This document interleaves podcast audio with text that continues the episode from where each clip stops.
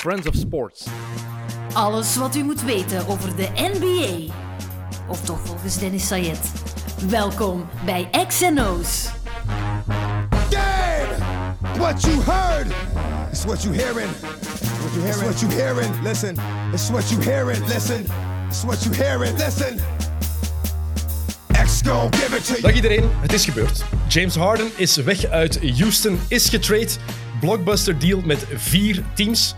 Deal die ik nog altijd een beetje aan het verwerken ben. Ehm, veel om over te praten. Vriend van het eerste uur van de podcast, Frederik de Bakker. Welkom. Eh, hallo, goedemiddag. Ehm, ben jij het ook nog aan het verwerken of is het al allemaal heel Ja, ik ben, duidelijk voor duidelijk, jou? ik ben duidelijk wat van mijn melk door al dat, door al dat gedoe eh, gisteravond, was het zeker. Ja? Eh, ja, het is, ehm, is... Ik dacht dat LeBron... eh, dat de, de weddenschap van LeBron, dat dat de enige weddenschap was dat afgesloten was. Maar blijkbaar eh, doet Brooklyn er alles aan om alle onsympathieke spelers samen te brengen. Je hebt een heel duidelijke mening over de drie supersterren. Gaan we het sowieso nog uitgebreid genoeg over hebben. Eerst misschien de details eens overlopen van die trade. Dat is wel interessant. Ehm, de Brooklyn Nets krijgen James Harden. Heel simpel. Eén speler, maar een serieuze speler. Ja. 31 jaar, in zijn prime. Ehm, vijf van de laatste zes jaar top drie in MVP-voting. Kijk, ehm, MVP van 2018. Goed, dan Caris LeVert en een second-round pick gaan naar Indiana. Mhm. Houston krijgt, dat is eh, ook belangrijk, Victor Oladipo, Dante Exum, Radian Skuruc, drie unprotected first-round picks van de Nets in 2022, 24 en 26. De first-round pick van Milwaukee dit jaar, die komt via Cleveland. Mhm. En vier pick-swaps van de Nets ook eigenlijk drie, want één is van dit jaar en de Nets gaan beter zijn dan Houston, dus die pick-swap gaat niet gebruikt worden. Ehm, en dan Cleveland krijgt Torian Prince en Jared Allen, waardoor ze nu 100.000 centers op hun Just, roster hebben ja. staan. Daar gaan we het straks over hebben. Want ik wou zeggen, ik weet niet goed waar ik mee moet beginnen, maar ik weet het wel. Met de Brooklyn Nets. Het is heel duidelijk. We beginnen met Brooklyn en met, met James Harden, want ja, een nieuwe Big Three.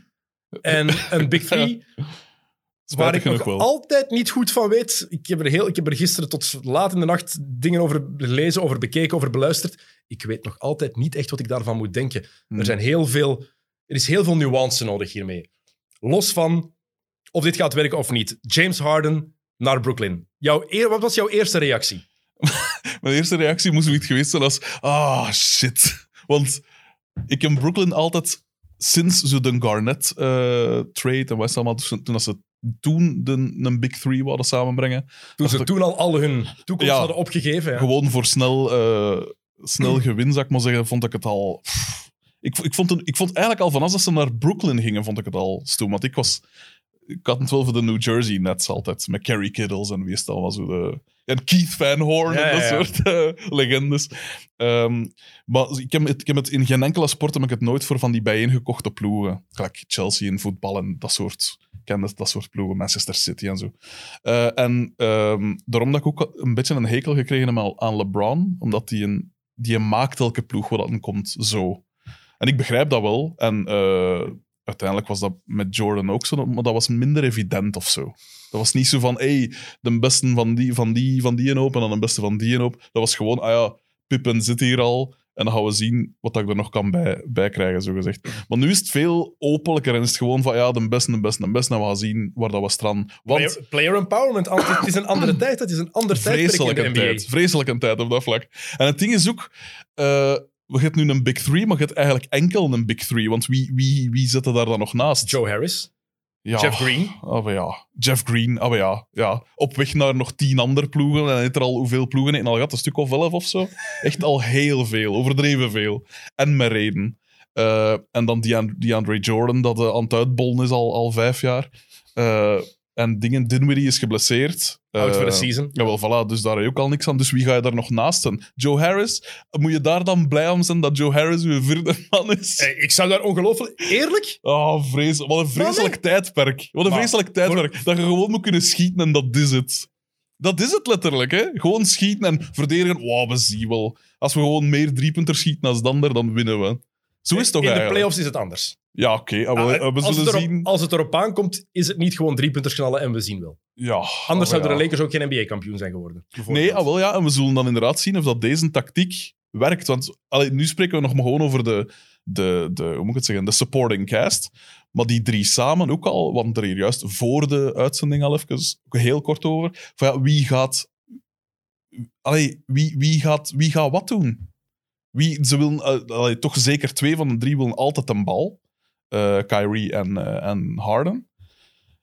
Twee vreselijk. Als ik, als ik Durant al de sympathiekste van een drietal moet noemen, dan, dan gaat het ver. E- Even los daarvan, wat heb je tegen Kevin Durant? Is het puur door die, doordat hij gekozen heeft voor goal? Heel veel basketballiefhebbers onder andere. hebben een hekel gekregen aan Kevin Durant omdat hij toen OKC verlaten heeft voor Golden State, de ploeg die hem had Ja, uitgeschakeld voilà. het jaar voordien. En ik begrijp het, hè. Ik begrijp dat je na, wat was tien jaar of zo, dat je zegt van, ja jongens, pff. En ook, dat is ook niet de meest aantrekkelijke franchise in West Ham. Dat begrijp ik allemaal.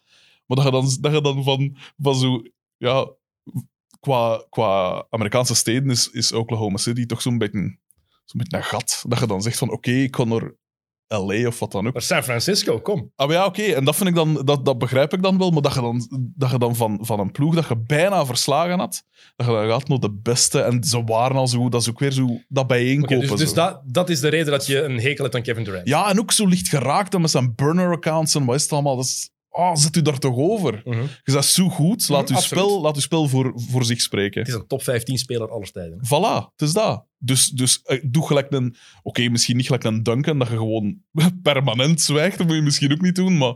Maar, maar Meer zoals LeBron. ja, iets meer, iets meer klasse, iets meer waarde. Je gaat me altijd al licht geraakt zijn. En dat je, pff.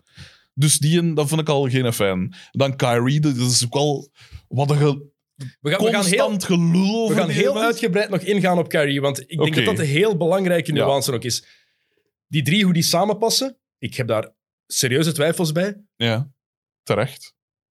Maar Kyrie is toch een ander aspect. We gaan het eerst even over het Harden gedeelte hebben. Ehm, Harden heeft zich helemaal onmogelijk gemaakt na het interview dat hij gegeven heeft Vreselijk. na de match tegen de Lakers, waarin hij zei, we zijn gewoon niet goed genoeg. Ja. Ik heb alles gedaan wat ik kon. Ehm, ja, je hebt altijd gechoked in de playoffs. Harden is even duidelijk maken, Harden is een fantastische speler. Hè? Offensief een van de Ja, grootste talenten die we ooit gezien hebben in de NBA. Het is een, een fenomeen wat hij kan. heeft het basketbal mee vernieuwd. De stepbacks die hij heeft ingevoerd. Hoe hij fouten uitlokt. Dat is allemaal Mhm. Marché. James Harden. Ja, Marché, ze- zij zien dat als de gather step en iedereen mag Ja. het doen. En als iedereen het mag doen, kan mij dat geen hol schelen. Het moet gewoon consequent zijn. Zo is Vind goed. ik. Als, als 100 spelers het mogen doen, als alleen James Harden die loopfouten zou mogen maken, dan zou ik er Ah, een wel. probleem mee hebben. Voilà, dat is waar. Maar dat is niet zo. Dat Iedereen mag het, dus ça va. Geen Ja. probleem. Ehm, het is een geweldige speler. Mhm. Kunnen we niet omheen. Er is een reden dat hij vijf van de laatste zes jaar nummer twee of drie was in MVP-voting. Maar daar valt ook iets over te zeggen, vind ik. Want dat is ook weer, maar dat is natuurlijk mijn, mijn, mijn, mijn stokpaardje. Ik bedoel, defense doet er echt geen zak meer toe, hè? Als, u, als, je, als je goed genoeg zet om in een top 3, of allee, bij de, wat was het, vijf van de Vijf van de laatste zes jaar top drie voting MVP. top 3 voting MVP. Ah, wel, voilà. Als je dus niet moet verdedigen, wat dat die een, het was slagwekkend op een gegeven moment. Maar hij droeg, hij droeg die ploeg wel. Hij was de reden ja, dat Houston... offensief vlak, ja, maar, oké. maar dat was genoeg voor Houston om altijd mee te doen voor de prijzen. Ja, Ze maar hebben het nooit gehaald, maar het was altijd een contender met James Harden. Ja, maar ook, alleen nogmaals, bedoel, als je dan vergelijkt met de, met de, met de allergrootste, ik bedoel, een, een Michael Jordan was, was top 3 offense en defense. Allen Iverson was geen top 3 defense. Ja, wel, voilà, maar daarom Ook MVP dus- in 2001 Ja, bijvoorbeeld. maar, Ja. maar, dat, maar dat is nog iets anders, omdat die echt wel, ik bedoel, een kabouter. Steve Nash, in- twee keer MVP. Ja, je die vaak zien ja, ah, wel, maar dat, ja, maar die gaf tenminste nog eens een pas. Allee, en nu, nu James Har- Harden, Ja, nu ook. maar heeft hij altijd wel gedaan. Hè? Dus- ja, maar het is toch, het is toch een vreselijk egoïstische, egocentrische dat, ik speler. James Harden ging moeten verdedigen. Ja, wel, dat is toch... alle kritiek die ik zie, je hoe ver dat u gedreven heeft? Tot wat voor, wat, wat voor een Maar ik, ik vreselijke snap speler? je mening ergens wel, maar je kan niet ontkennen dat James Harden een top 5 speler is geweest Ah, in de. NBA de laatste Ja, ja, dat wel. 8, 9 jaar. Dat absoluut wel. Nee, zo verdreven, 8 jaar. Maar hij zegt dan van, ik, heb hier alles, ik heb er alles aan gedaan hier om ons eh, naar dingen. Ja, je hebt er alles aan gedaan om je ploeg naar de kloten te helpen, vind ik. Waarom? Omdat, een, ja, ten eerste, wat voor een manier van... Dat is geen teamsportnummer, hè?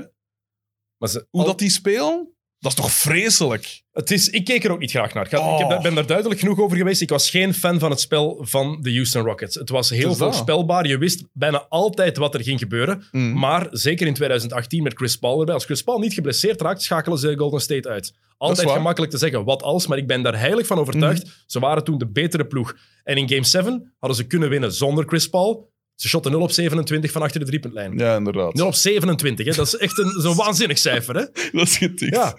Maar James Harden heeft die ploeg wel gemaakt tot wat hij was de laatste jaren. En je kan fan zijn van die stijl of geen fan zijn. Mm. Ik, ben, ik kijk daar niet graag naar. Dat is een persoonlijke voorkeur. Mm. Maar je kan hun succes, tenminste dingen die ze gedaan hebben, niet ontkennen. Wat je ook niet kan ontkennen, is dat James Harden altijd in de playoffs niet goed genoeg was als het Mhm. erop aankwam. Anders hadden ze minstens één keer de finals gehaald. En ook, en dat is waar ik wat toe kom, hij zegt ik heb hier alles gedaan, maar je hebt er alles aan gedaan om je ploeg te verkloten, omdat elke ster dat je bij je had, en je kunt niet, zelfs naar Janis bijvoorbeeld, kan ook niet op zijn eentje kampioen worden. Je zegt daar Iverson, ja, die en ook niet. dat was natuurlijk een ander ploeg nog, dat was echt enkel defense daarnaast nog.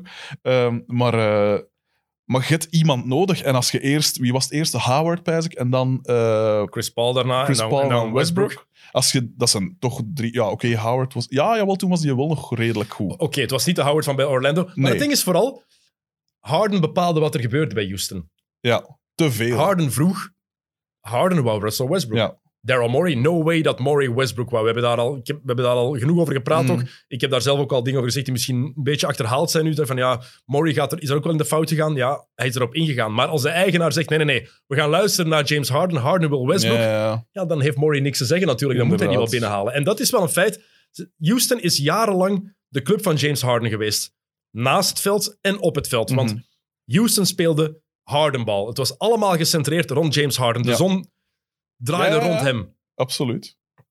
En dat is uiteindelijk heeft niet geresulteerd in een prijs. Heeft zelfs niet geresulteerd in een plek in de finals. Het was wel een succes in mijn ogen, want ze zijn er dicht genoeg bij geweest. Ze hebben elk jaar echt wel gestreden voor die prijzen. Maar nu dan, om na een ploeg die sinds 2012 alles gedaan heeft om jou gelukkig te maken, Ja, voilà. zowel op als naast het veld, letterlijk de hele stijl en cultuur van die ploeg heeft afgestemd op jou. Mhm. Ermee heeft le- leren leven dat jij heel graag weggaat en dat je, zijn shirt is retired in een stripclub in Houston. Geen grap, hè? Dat dankt daar. Ordinair ook. Ordinair. Ik, vind dat, ik moet wel zeggen, daardoor ben ik iets meer fan van James Harden. Typisch. Kom, dat is toch. Kom aan. Waarom houden we van Dennis Rodman? Ja, maar Dennis Rodman was nog iets anders. Dennis Rodman was een werker en gewoon ook, er scheelde niet aan. En dat Ja, vond ik- James Harden scheelt ook ja, maar, aan. maar, maar Rodman was op een fijne manier, vond ik. Het ding is, nu wat mij stoorde aan dat interview, aan die, eh, het interview van James Harden dat hij gegeven heeft na de match tegen de Lakers. Laatste vier matchen was hij er zijn voeten aan aan het vegen. ja, inderdaad. Heel duidelijk. Inderdaad. Vier matchen op rij, minder dan 20 punten. Dat was geleden van zijn tijd bij Oklahoma City. Zou zeggen, ja, dat kan toch gebeuren? Niet met hoe Harden Nee, nee, speelt. nee. Dat, dat klopt niet met hoe hij Nee. in elkaar hoe hij speelt. En hij was helemaal... hij- je, we hebben hem al slecht zien verdedigen, maar nu was hij gewoon nog minder aan het proberen. Als er Mhm. een screen was, bleef hij daar niet in steken. Hij stopte zelfs voor hij in dat screen zat. En in offense, Wat een lul. het is een kritiek die we al langer geven. Hmm. Als de bal uit zijn handen was, stond hij stil. Ja. En dat was nu nog meer. Hij, de lichaamstaal was verkeerd. En dan zag je ook aan zijn lichaam dat hij gewoon heel veel gegeten had. Absoluut, ja. Heel, ja, ik maar kon even goed meegespeeld hebben. het is, het is erg, misschien maar het is, wel. je, het is, je wilt niemand body shamen. Dat is niet wat we hier willen zeggen. Maar, Maar het een profatleet wel, hè? Dankjewel. Het is een prof Ah, ja. Het is een profsporter. En je zag gewoon, net zoals je ziet, Luka Doncic is zich nog altijd in vorm aan het spelen. Maar het is niet zo erg als bij James Harden. Die Mhm. Stond gewoon ja, te vet. Ja, inderdaad. En dan denk je, ja, je hebt alles gedaan de afgelopen jaren. Maar dit jaar, je bent niet komen opdagen voor training camp. Mhm. Je was op, in een stripclub op een feestje van, hoe heet die rapper? Da Baby? Ja. Ja, was Oh, daar, eh, waar hij blijkbaar een zak 500.000 dollar cadeau gegeven heeft. Cadeaus, je mag geven wat je wil, mij niet gelaten. Ga ik niet over judgen. Maar als je, je hebt al van begin van het seizoen geen respect getoond voor, de, voor de, het team dat er was. Mm. En dan kom je nog met zo'n zielig interview. En dan voor één keer vond ik de Marcus Cousins dat hij de Ja, absolute ja, ja. waarheid zei in zijn interview. Inderdaad. Ja, en want het is, om, het is gelijk dat jij zegt van ja, hoe tristig is dat ik hier James Harden zitten verdedigen? Hoe tristig is het dat ik de Marcus Cousins zitten ver- verdedigen? Want dat was ook altijd zo'n een, een zeiker eigenlijk. Altijd, ja, ik weet niet, onsympathiek. Een onsympathieke P vond ik. Maar nu kon ik niks... Ik kon niks weerleggen van hetgeen dat hij zei. Ja. Ik vond het cool dat hij zegt, maar ja, ik ben hier om met John Wall te spelen, niet met, met dingen. Dat ik, ik was een heel sterke quote, inderdaad. Ik ben hier niet om met James Harden te spelen. Het is zo. Hij Ja. wou met John Wall spelen, maar goed, staat er Hmm. los van. Een paar vragen. Wat heb ik hier opgeschreven?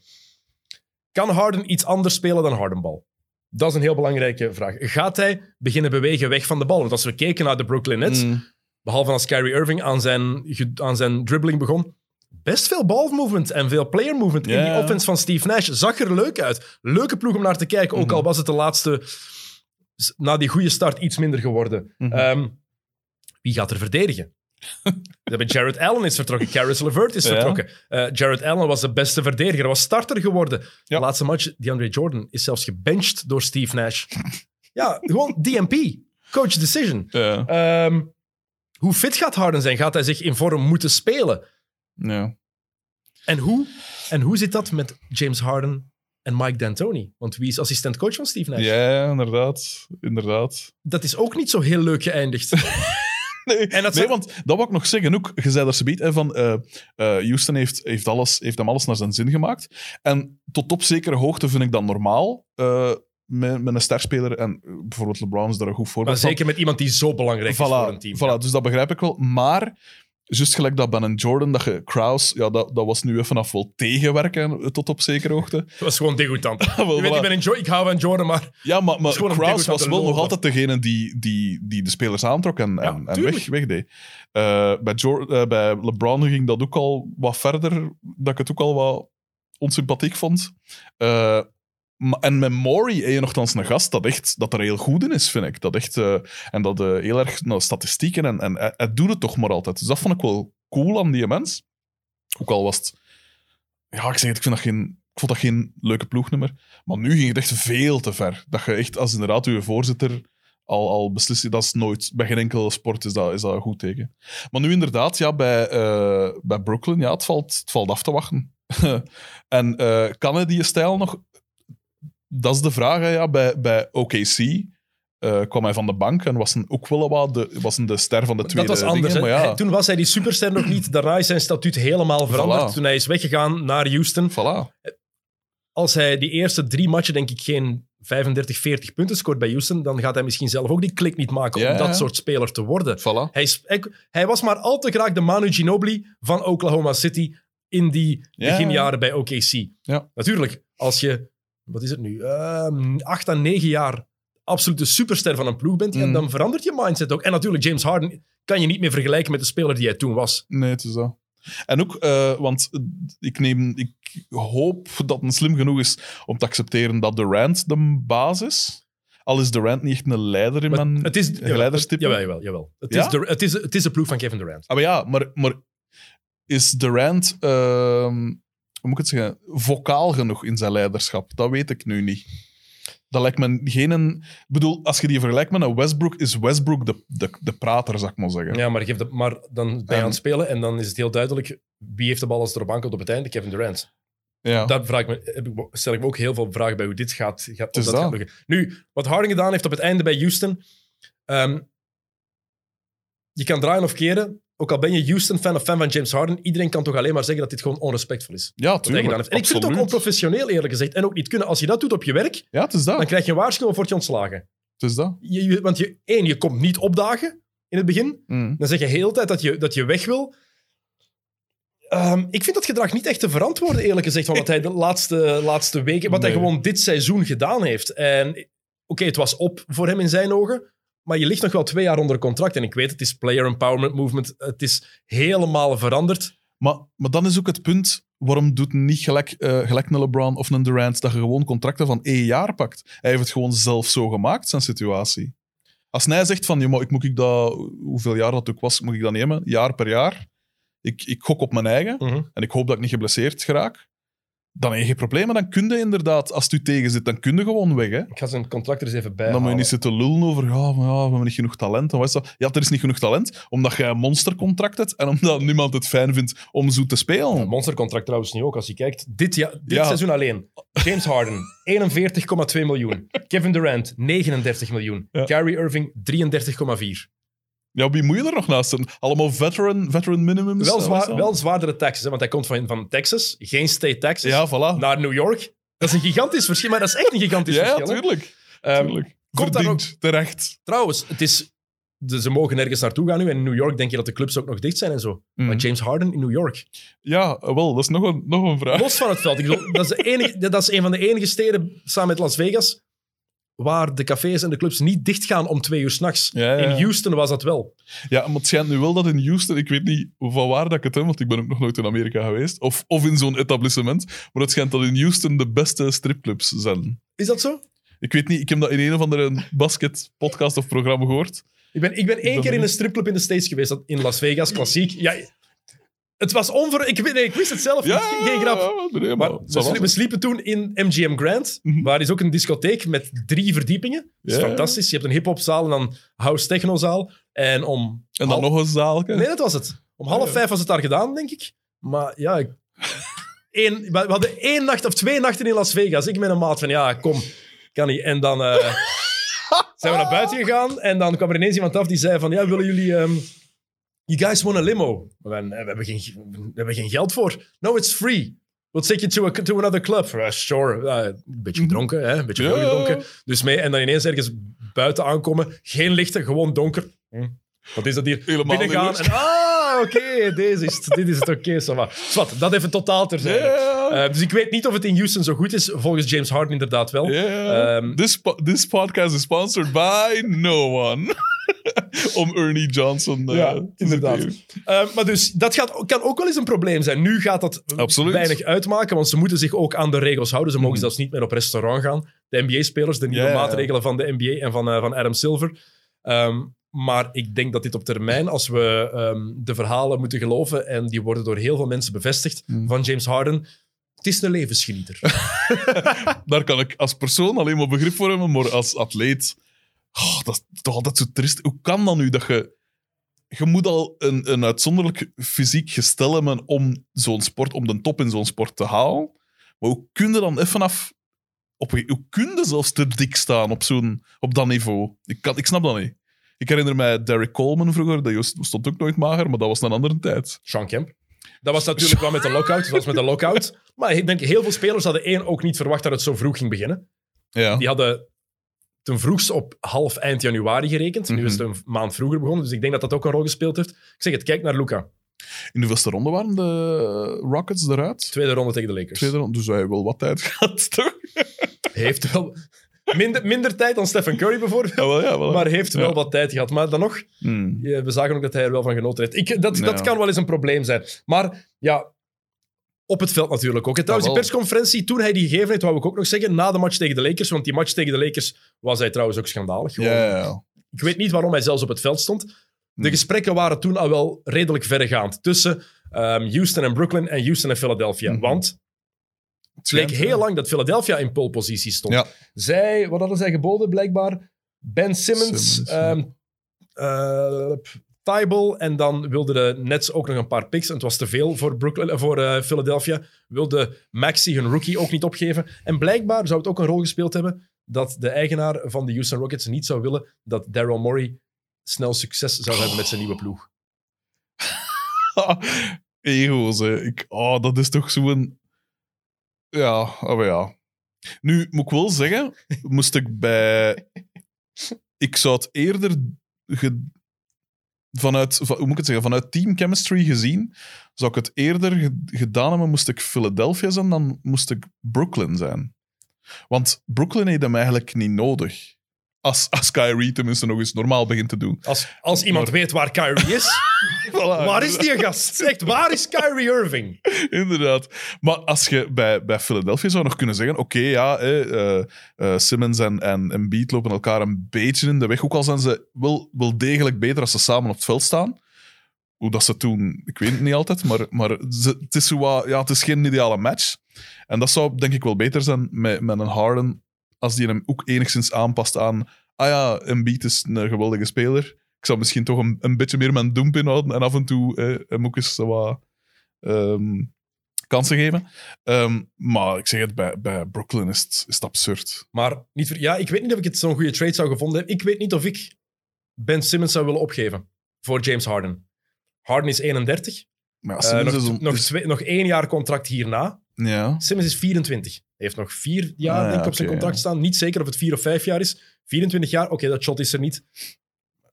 Ik vind de kritiek soms, Simmons, op Simmons een beetje te goedkoop. Het is een, Mm. hoe hij zijn ploeg kan, kan leiden, hoe hij de fastbreak kan lopen. En ik had het wel interessant gevonden om Simmons bij Houston te zien. Maar ik geloof wel Ja. nog altijd in het potentieel van Ben Simmons. Is nog altijd maar 24, hè? Mm. We vergeten dat soms. Tim Duncan, toen hij de NBA inkwam, was die 23. Ja, dat is juist. Dat is juist. Die gast is na één jaar college al naar de NBA gekomen. Hij gaat nooit een, een shooter worden. Zit er niet in. Hij Nee. pakt ook veel te weinig shots. Helemaal mee eens. Moet dat meer doen. Mm. Maar, Maar ja, ik- Kit was ook geen, geen shooter in het begin. Hè? nee, totaal niet. Nee. Dus het, het kan wel enigszins natuurlijk. Maar Kit pakte wel af en toe een shot. En dat is een verschil. Ben Mm. Simmons pakt zelfs geen enkel shot. Maar goed, dat is, dat is, dat is Mm. helemaal anders. Ik, Ja. ik, ik ben ook geen, niet overtuigd van de combinatie nu bij Brooklyn, bij die drie. Als Kyrie Irving ooit terugkomt. We gaan even vanuit, we gaan zo meteen over Kyrie hebben. Ja. Ik ga, we gaan ervan uit dat ze met drie samen gaan Ja. spelen. Ik zie bijvoorbeeld veel meer toekomst in het duo Harden-Durant dan in het trio Harden-Durant-Kyrie. Mm.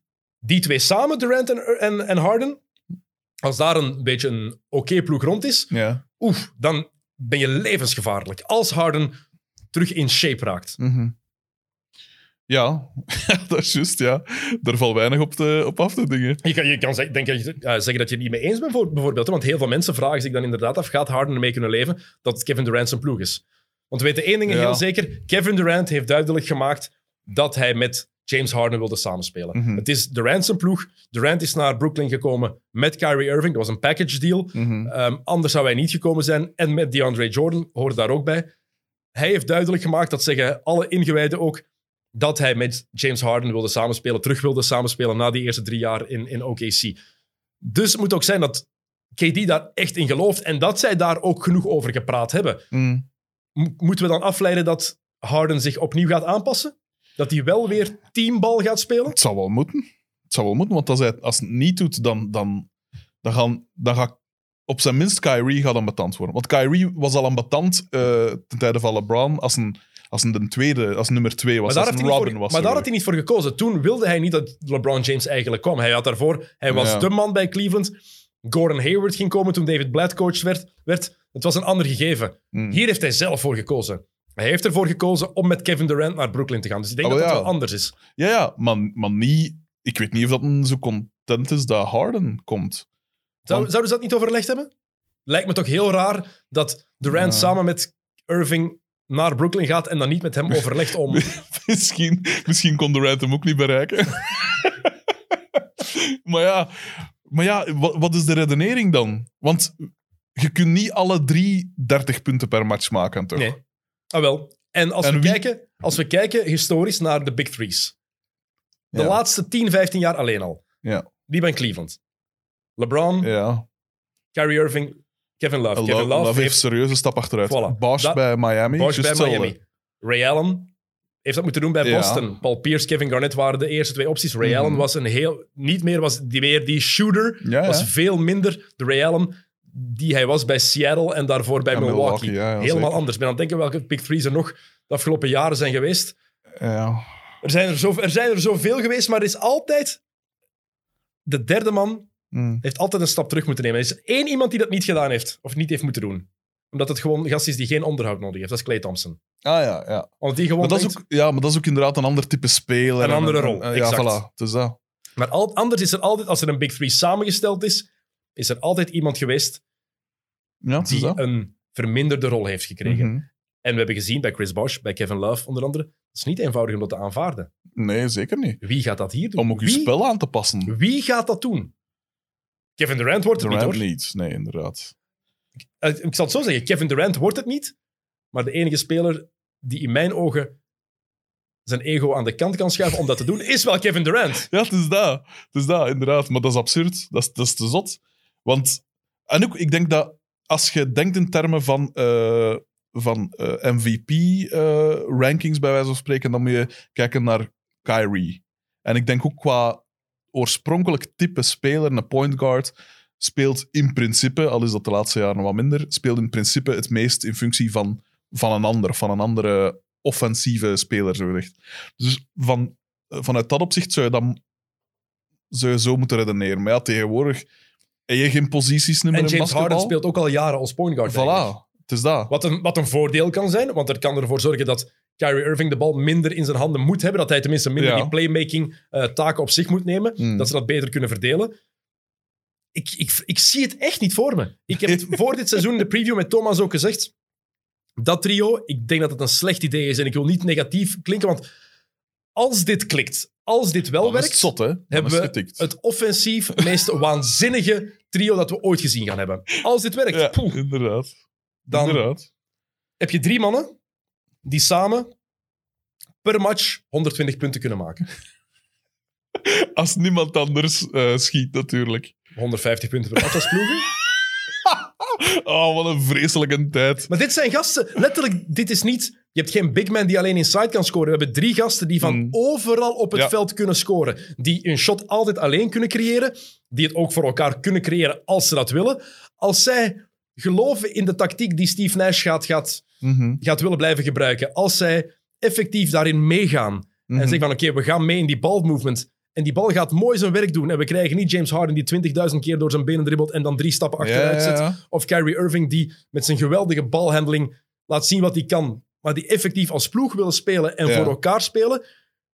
Oeh, dan mag heel de league bang zijn van deze ploeg. Zeker. Maar het probleem is ook weer dat eh, hoe meer sterren dat je hebt, hoe minder ego's dat je eigenlijk mocht hebben.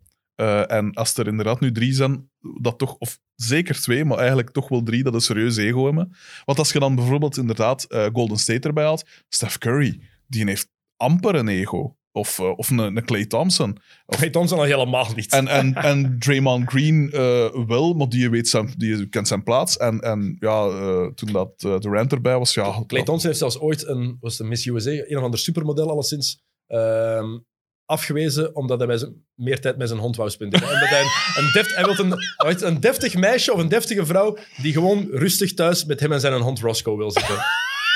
Die gast, heerlijk. heerlijk. Oh. Om maar te zeggen, die gast heeft geen ego.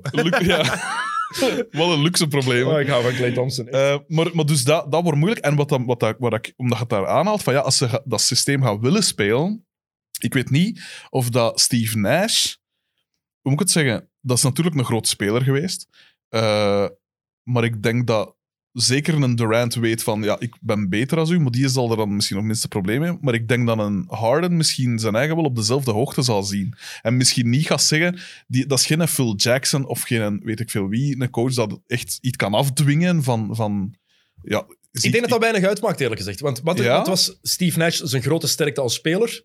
Was dat hij toen al een people manager was. Mhm.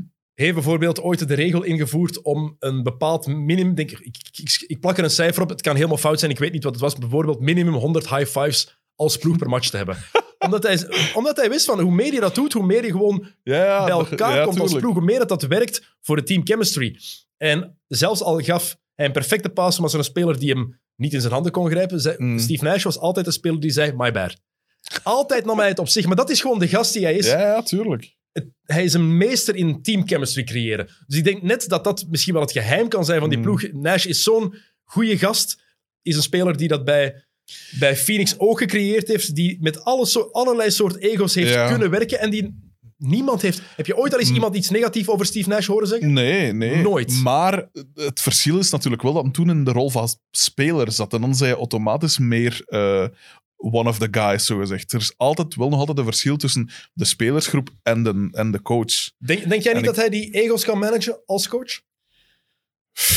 Eh, ja, misschien wel beter dan, dan de gemiddelde coach. Mhm. Dat misschien wel.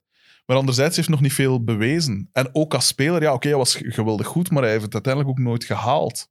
Eh, en zijn, zijn, eh, zijn bescheidenheid heeft misschien ook wel een, een titel in de weg gestaan. Misschien had hij... Had meer zijn- shots moeten pakken. voor zijn zelf ook. Ah, wel. Ja. Maar ook gewoon voor zijn eigen palmarès had misschien ook ooit moeten zeggen, want zich, dat lukt hier niet, misschien moet ik eens naar een andere ploeg eh, gaan. Hmm. Hij had gewoon meer driepunters moeten pakken bij Phoenix. Ja. Hadden ze zeker één keer de finals gehaald. Hmm. En dat had ook geholpen als Robert Horry ehm, hem geen hip-check had gegeven en dat de NBA-referees dan niet de helft van de ploeg hadden Ja. geschorst, wat ongelooflijk belachelijk was. Dan hadden de Suns Ah, maar- in 2007 de finals gehaald, denk ik, in plaats van de San Antonio Spurs. Ja. En dan kwamen ze uit tegen het Cleveland van LeBron, een van de slechtste finals-ploegen die er ooit, eh, Ja, ooit zijn geweest. Dus dan was het wel, was het wel, eh, wel gelukt, Ja. denk ik. Ehm, volgens uh, Woj is het trouwens ook belangrijk, deze deal, om Kevin Durant langer bij de Brooklyn Nets te houden. Ja, als, als Durant dat inderdaad gevraagd heeft, of allee, als hij hem er echt bij wou, ja, dan begrijp ik dat wel. Maar ook dat is weer geen garantie voor, voor hoe dat het ook daadwerkelijk gaat uitdraaien. Ik bedoel, als, als het marcheert, uiteraard, dan heb je als, als ploeg... Het ding is ook van, ja, je kunt dat moeilijk weigeren als, als team. Als je superster zegt van, ja, ik wil die... Zie naar Kawhi Leonard, dat Hmm. draait nu iets minder goed uit, maar Wat heeft, wat heeft Jerry Krause vaak gedaan met Michael Jordan? Oh ja, Want we, we, we weten één ding, Michael Jordan is niet goed in ploegen samenstellen. Nee, dat is waar. Oké, dit jaar waar. heeft hij, Mitch Kupchak vooral, dit jaar heeft hij voorlopig eh, goud gevonden met Lamelle Ball en Ja. Gordon Hayward, die ineens weer de Gordon Hayward van bij Utah is geworden. inderdaad. Ehm, maar toch, ehm, het is heel duidelijk dit jaar nu... Oh, ik dacht dat we over Charlotte gingen praten. Oh, kan, kan nog altijd. Maar het is heel duidelijk. Misschien moet Sam Kerkhoffs er dan bij komen. Ja, ja, die houdt blijkbaar van de Charlotte Hornets. Ehm, het is heel duidelijk nu voor Brooklyn. Het is Hmm. Finals or bust. Championship Ja, ja. zou ik niet zeggen, want zelfs op papier, de Lakers zijn nog altijd Ja, beter. het is dat. De Lakers zijn een categorie op zichzelf. En die hebben meer dan drie man. Die, die, die hebben een waanzinnige ploeg, de Lakers. Dat is getikt. Want Anthony Davis is nog niet in vorm. Hè? Nee, nee, nee. Oh, nee, nee, nee, nee, nee. Totaal niet. LeBron James wel, want die gast is 365 dagen op een, op een jaar in vorm. Die is altijd Ja, in conditie, dat is geen probleem. Ah, moet ik nu 40 minuten spelen? Tuurlijk. Ja, en tegenwoordig is, is het precies dat nog minder... Hoe moet ik het zeggen? Eh, Het is flegmatieker of zoiets. LeBron is nummer 1. Het is meer op zijn gemak of zo. Ik weet niet wat dat is, maar het is zo van... Ah ja, wel. Hoeveel, is het vandaag? De 14e. We zijn Ja. eh, drieënhalve week ver. LeBron is MVP voorlopig. Ja. Dat is drieënhalve week. ja, Met inderdaad. voorsprong. En het is raar, want ik zeg het, vroeger was hij, al- was hij altijd de, de motorrecht. Ja. Allee, hij is dat natuurlijk nog altijd, ik bedoel, omdat hij zo goed is, maar er iets in zijn attitude of zoiets dat relaxter is of Hij zo. amuseert zich. Ja, Je ziet dat ook. Hij voelt zich goed in die ploeg. Het is ook gewoon een, een ongelooflijk goede ploeg. ja De Lakers zijn nog altijd de beste ploeg in de NBA, objectief gezien. Hmm. Maar Brooklyn moet het oosten winnen. Ah ja, Want tuurlijk, ze hebben nu alles op alles gezet en ze hebben opnieuw hun toekomst opgegeven. Ja. Ze hebben vier first-round picks Want deze begrijp ik al meer. Drie swaps, want die swap van dit jaar telt niet mee. Die, Mhm. die gaat toch niet gebruikt worden. Dus ze hebben drie swaps en vier first-round picks. En als we kijken naar wat ze gedaan hebben toen met die Kevin Garnett en Paul Pierce trade, Mhm. in welke picks heeft dat geresulteerd? Twee belangrijke. Jalen Brown en Jason Tatum. Wat is de toekomst van de Boston Celtics? Wie zijn dat? Die twee. Jason Tatum en Jalen Brown. Ja, inderdaad. En nu doe je dat voor James Harden, 31 jaar, maar iemand die al wel heel wat kilometers op zijn lichaam heeft. Want hij, heeft, hij speelt elke match. Want dat Ja. kan je zeggen, van, je kan Ja, zeggen van Harden wat je wil. Speelt altijd. Absoluut. Houdt hij basket zo graag, hij gaat nooit rusten. Gewoon load management, nope. Ja, ja, ja, Doet hij niet aan mee. En dat is ook al nefast geweest in de playoffs, omdat hij in het reguliere seizoen Ja. altijd voluit gaat. Mhm. Ehm, dus dat komt erbij. Hoe lang gaat zijn lichaam dat nog houden? Zeker in combinatie met zijn ehm, avontuurlijk nachtleven. Zeker als New York ooit terug open gaat. Ja. Het gaat nog wel even duren, want in Amerika ziet het er allemaal nog wat erger uit ehm, Ja. op coronavlak dan, Mm. eh, dan in Europa en in de rest van de wereld. Mm. Maar dat zijn veel vragen die ik me stel. Kyrie Irving, gaat hij ooit één? Gaan we hem ooit nog vinden? Gaat hij ooit nog terugkomen? Gaat hij ooit nog bas basketten? Ja. Is heel blessuregevoelig. En dan is er Kevin Durant. Ziet eruit als de oude Kevin Durant. Maar komt nog altijd ja, wel terug voilà. van de zwaarste blessure die je kan hebben als basketter. Het is dat. Het is dat. Ja, en het is... dan, eh, daar stel ik me... En vooral, nog laatste, mhm. first round picks. 2022, oké. 24, maar ook 2026. niemand, niemand weet dan hoe het met Brooklyn zit. Ja, ja, ja. Dan is James Harden er 637. Dan is Kevin Durant, die is van, van 87. Dus die is er dan in 27 is hij er 40. Ja. Kyrie Irving, niemand weet waar die dan zal zijn. Ik vind het zot dat, dat Stephen A. Smith zei van eh, hij zou moeten stoppen. Ja. Natuurlijk, die hangt er graag al wat meer. Gaan we, gaan we het en over zo. Kyrie hebben? Eh, ik, volg, ik volg waar dat jij naartoe Ah, we- wilt. Frederik de Bakker, Kyrie Irving. Laat, laat je gaan. The floor is yours. Ja, wat een lul, hè. Wat, een wat, wat is dat voor gedrag? Ik bedoel, dat je dan dat je al je stierlijk belachelijk maakt door, door te zeggen van eh, de, de aarde is plat en wat is het allemaal tot daar aan toe. Dat kun je nog troll en zo noemen. Maar gelijk nu ook, wat, wat, wat is zijn reden dat nog bezig is? Dat een, het was familiale reden, zo gezegd, maar nu blijkt dat het een verjaardag was of zo van zijn zus. Of, ik weet niet precies hoe dat zit. dus, het Het was is, iets debiel, alles. dus het is begonnen personal reasons. Ja. Dat is de reden die hij gegeven heeft aan de, ehm, aan de club. Ja. Waardoor hij nu al vier- vijf matchen gemist heeft. Ja. Vannacht tegen New York was hij er ook niet bij. Ehm, volgens ingewijden kwam het omdat hij te hard onder de indruk was van wat er gebeurd was in het Capitool. Die bestorming van Mooi. Vorige week? Ik zeg, ik zeg gewoon wat, wat er bericht Oh. wordt, Frederik. Ja, ja, ja. Ik zeg gewoon even wat er bericht wordt. Blijkbaar was hij daar te hard van aangenomen. We weten, Kyrie Irving is heel maatschappelijk eh, gericht. Ja. Hij is daar heel hard mee bezig met... Tuurlijk. Ik vind het heel belangrijk om daar ook een impact op te hebben. En hij zou blijkbaar ook vinden, ik snap, basketbal is, er zijn nu belangrijkere dingen dan basketbal. Nochtans is dat wel de reden dat hij ehm, meer dan 30 miljoen per jaar op zijn ja, bankrekening voilà. krijgt. Maar goed, Ehm, en dat is zijn job. Als er nu iets heel ergs gebeurt hier in België, waar wij het allebei niet mee eens zouden zijn, waar wij het ook persoonlijk door geraakt zouden zijn, wij kunnen het niet maken om te zeggen, mannetjes, ik kom de volgende twee weken niet werken, want ik ben niet goed van wat er Mhm. daar gebeurd is. Mhm. Alle begrip voor dat hij daar niet goed van is. Maar dat is geen reden om niet te gaan werken. Goed, zwart, dat was dus de reden blijkbaar volgens de ingewijden. Maar toen bleek ineens dat hij inderdaad niet reageerde op telefoontjes en berichten van het, eh, van het bestuur en ook niet van de coachingstaff. Van niemand. Dus dat is een ongelooflijk gebrek aan respect Ja. van Kyrie Irving. Ja. En toen kwamen er beelden naar buiten dat hij op het verjaardagsfeestje was. 30-jarige verjaardagsfeestje van zijn zus Asia. Ehm, en dat ze daar aan het feesten waren, aan het dansen waren, waar meer dan 15 mensen samen waren, zonder mondmasker. En dat was al tegen de coronamaatregelen van de NBA toen, Ja. die nu nog verstrengd zijn. Voilà, dat was het. Wel, eh, ten eerste, ik ben journalist van beroep. Ik werk op een redactie. Toen dat Charlie Hebdo gebeurde, waren wij ook nerveus. want, want ja, ik bedoel, wij zitten in hetzelfde gebouw als het laatste nieuws en West allemaal, dus ook een grote gazet. Hetzelfde geld komt er daar een zot binnen en ze waren allemaal aan. Eh, ik ben gaan werken zo, die een dag. En een dag daarna en een dag daarna. Bij ons was het niet van, hey, gasten, blijf maar thuis, want we weten niet zeker of dat er hier ook iets gaat gebeuren. Dus dat is één ding. Dan zijn we verhuisd naar Antwerpen en zitten we vlak aan het Centraal Station. Dus we, we zitten nog altijd bij die grote gazet. En we zitten bij een van de, van de, allee, de plekken waar het meeste volk komt op een dag. Dus daar kan dat ook gebe- gebeuren en West allemaal. Wij gaan nog altijd gewoon werken. Dus dat is bullshit. Dat dat gebeurt. Ik, zat ook, ik ben niet het type dat eh, als er zoiets gebeurt in de wereld van oh, we moeten de, televisie opzetten en ik moet alles geweten hebben. Maar toen dat, dat gebeurde, moet ik bekennen, dat was na mijn... eh, ah nee, ik moest niet werken die dag. Maar eh, wat normaal zou men... die- Ah, ja, dat was wel bij toen ik aan het werken was. Alleszins, het stond op. Ik was aan het zien, nog CNN op mijn computer, van hoe, hoe gaat dat evolueren? Dat was toen wel nog maar eh, vijf, zes uur s'avonds. En dat was, ik dacht van ja, eh, die avondklok gaat nu in. Nu gaat het echt spannend worden en wat is het allemaal. Dus ik heb wel even gekeken, maar ik ben ook gewoon gaan slapen. Omdat, oké, dat is een belangrijke ding. Maar eh, bedoel, dat was in Washington. En hij zit in Brooklyn. Allee, daar ga ik vanuit, want wie weet waar dat zat. Maar bedoel, dat, dat, is, dat is... Ja, natuurlijk is dat eh, een, een, een, heeft dat een impact. Dat heeft een impact. Ik kon niet zeggen dat het gelijk eh, 9-11 was. Eh, maar, maar, maar het is wel absurd en wat is het allemaal. Het maar was, het is een, niet... het was een aanval op de democratie. Ja, absoluut. Maar het is niet van, oh, er, is hier, er zijn vijf mensen gestorven en dat is verschrikkelijk erg. Maar het is niet het spektakel dat we Er zijn geen twee lijnvliegtuigen in een twee wolkenkrabbers gevlogen. Om het, ja, maar om Voilà. het even gewoon cru te zeggen. Ja, voilà, het is dat. Dus dat is een bullshit-argument. Eh, dat je op het verjaardagsfeest van je zus wil staan, dat begrijp ik ook. Dat zal allemaal wel plezant zijn. Maar als je, als je godverdomme 30 miljoen per, per jaar krijgt om te basketten, ja, dan is dat... Puur voor jezelf moet dat al het belangrijkste zijn. Van, ah ja, zeg, dat, dat gaat hier wel om redelijk wat geld. Ik bedoel, ik kom naar hier door de sneeuw voor niks. Hè. Ik krijg hier niks voor. Hè. Beste kijker, beste luisteraar. Nee, Ik hier- ook niet trouwens, even duidelijk zeggen. Ah, ook. Niemand van Friends of Sports verdient geld met wat we daarvoor doen. Hè. Niemand, hè? Voilà, dus eh, potentiële sponsors mogen nog altijd zich aanmelden. Absoluut, absoluut, absoluut. Basketsponsor, ah, kom maar af. Hè. Wij doen dit puur voor de fun. Een beetje geld verdienen Nu nog. zou tof zijn. Nu nog doen we het voor de fun. Seizoen, seizoen 6, hè? Het Voilà. zesde seizoen van de Podcast. Voilà. Ik weet niet hoeveel ik in het rood sta met wat ik er al in ge- geïnvesteerd heb, maar kijk, Voilà. Dus- liefde voor het spelletje. Voilà, absoluut. Voilà. Dus, eh, en eh, ik bedoel, als je dan de chance zet dat je ten eerste geboren bent met zoveel talent op de basketten, dat je de Ja. kans krijgt om het te mogen doen als job. Zelfs voor een minimumloon zou ik het goddomme doen als job.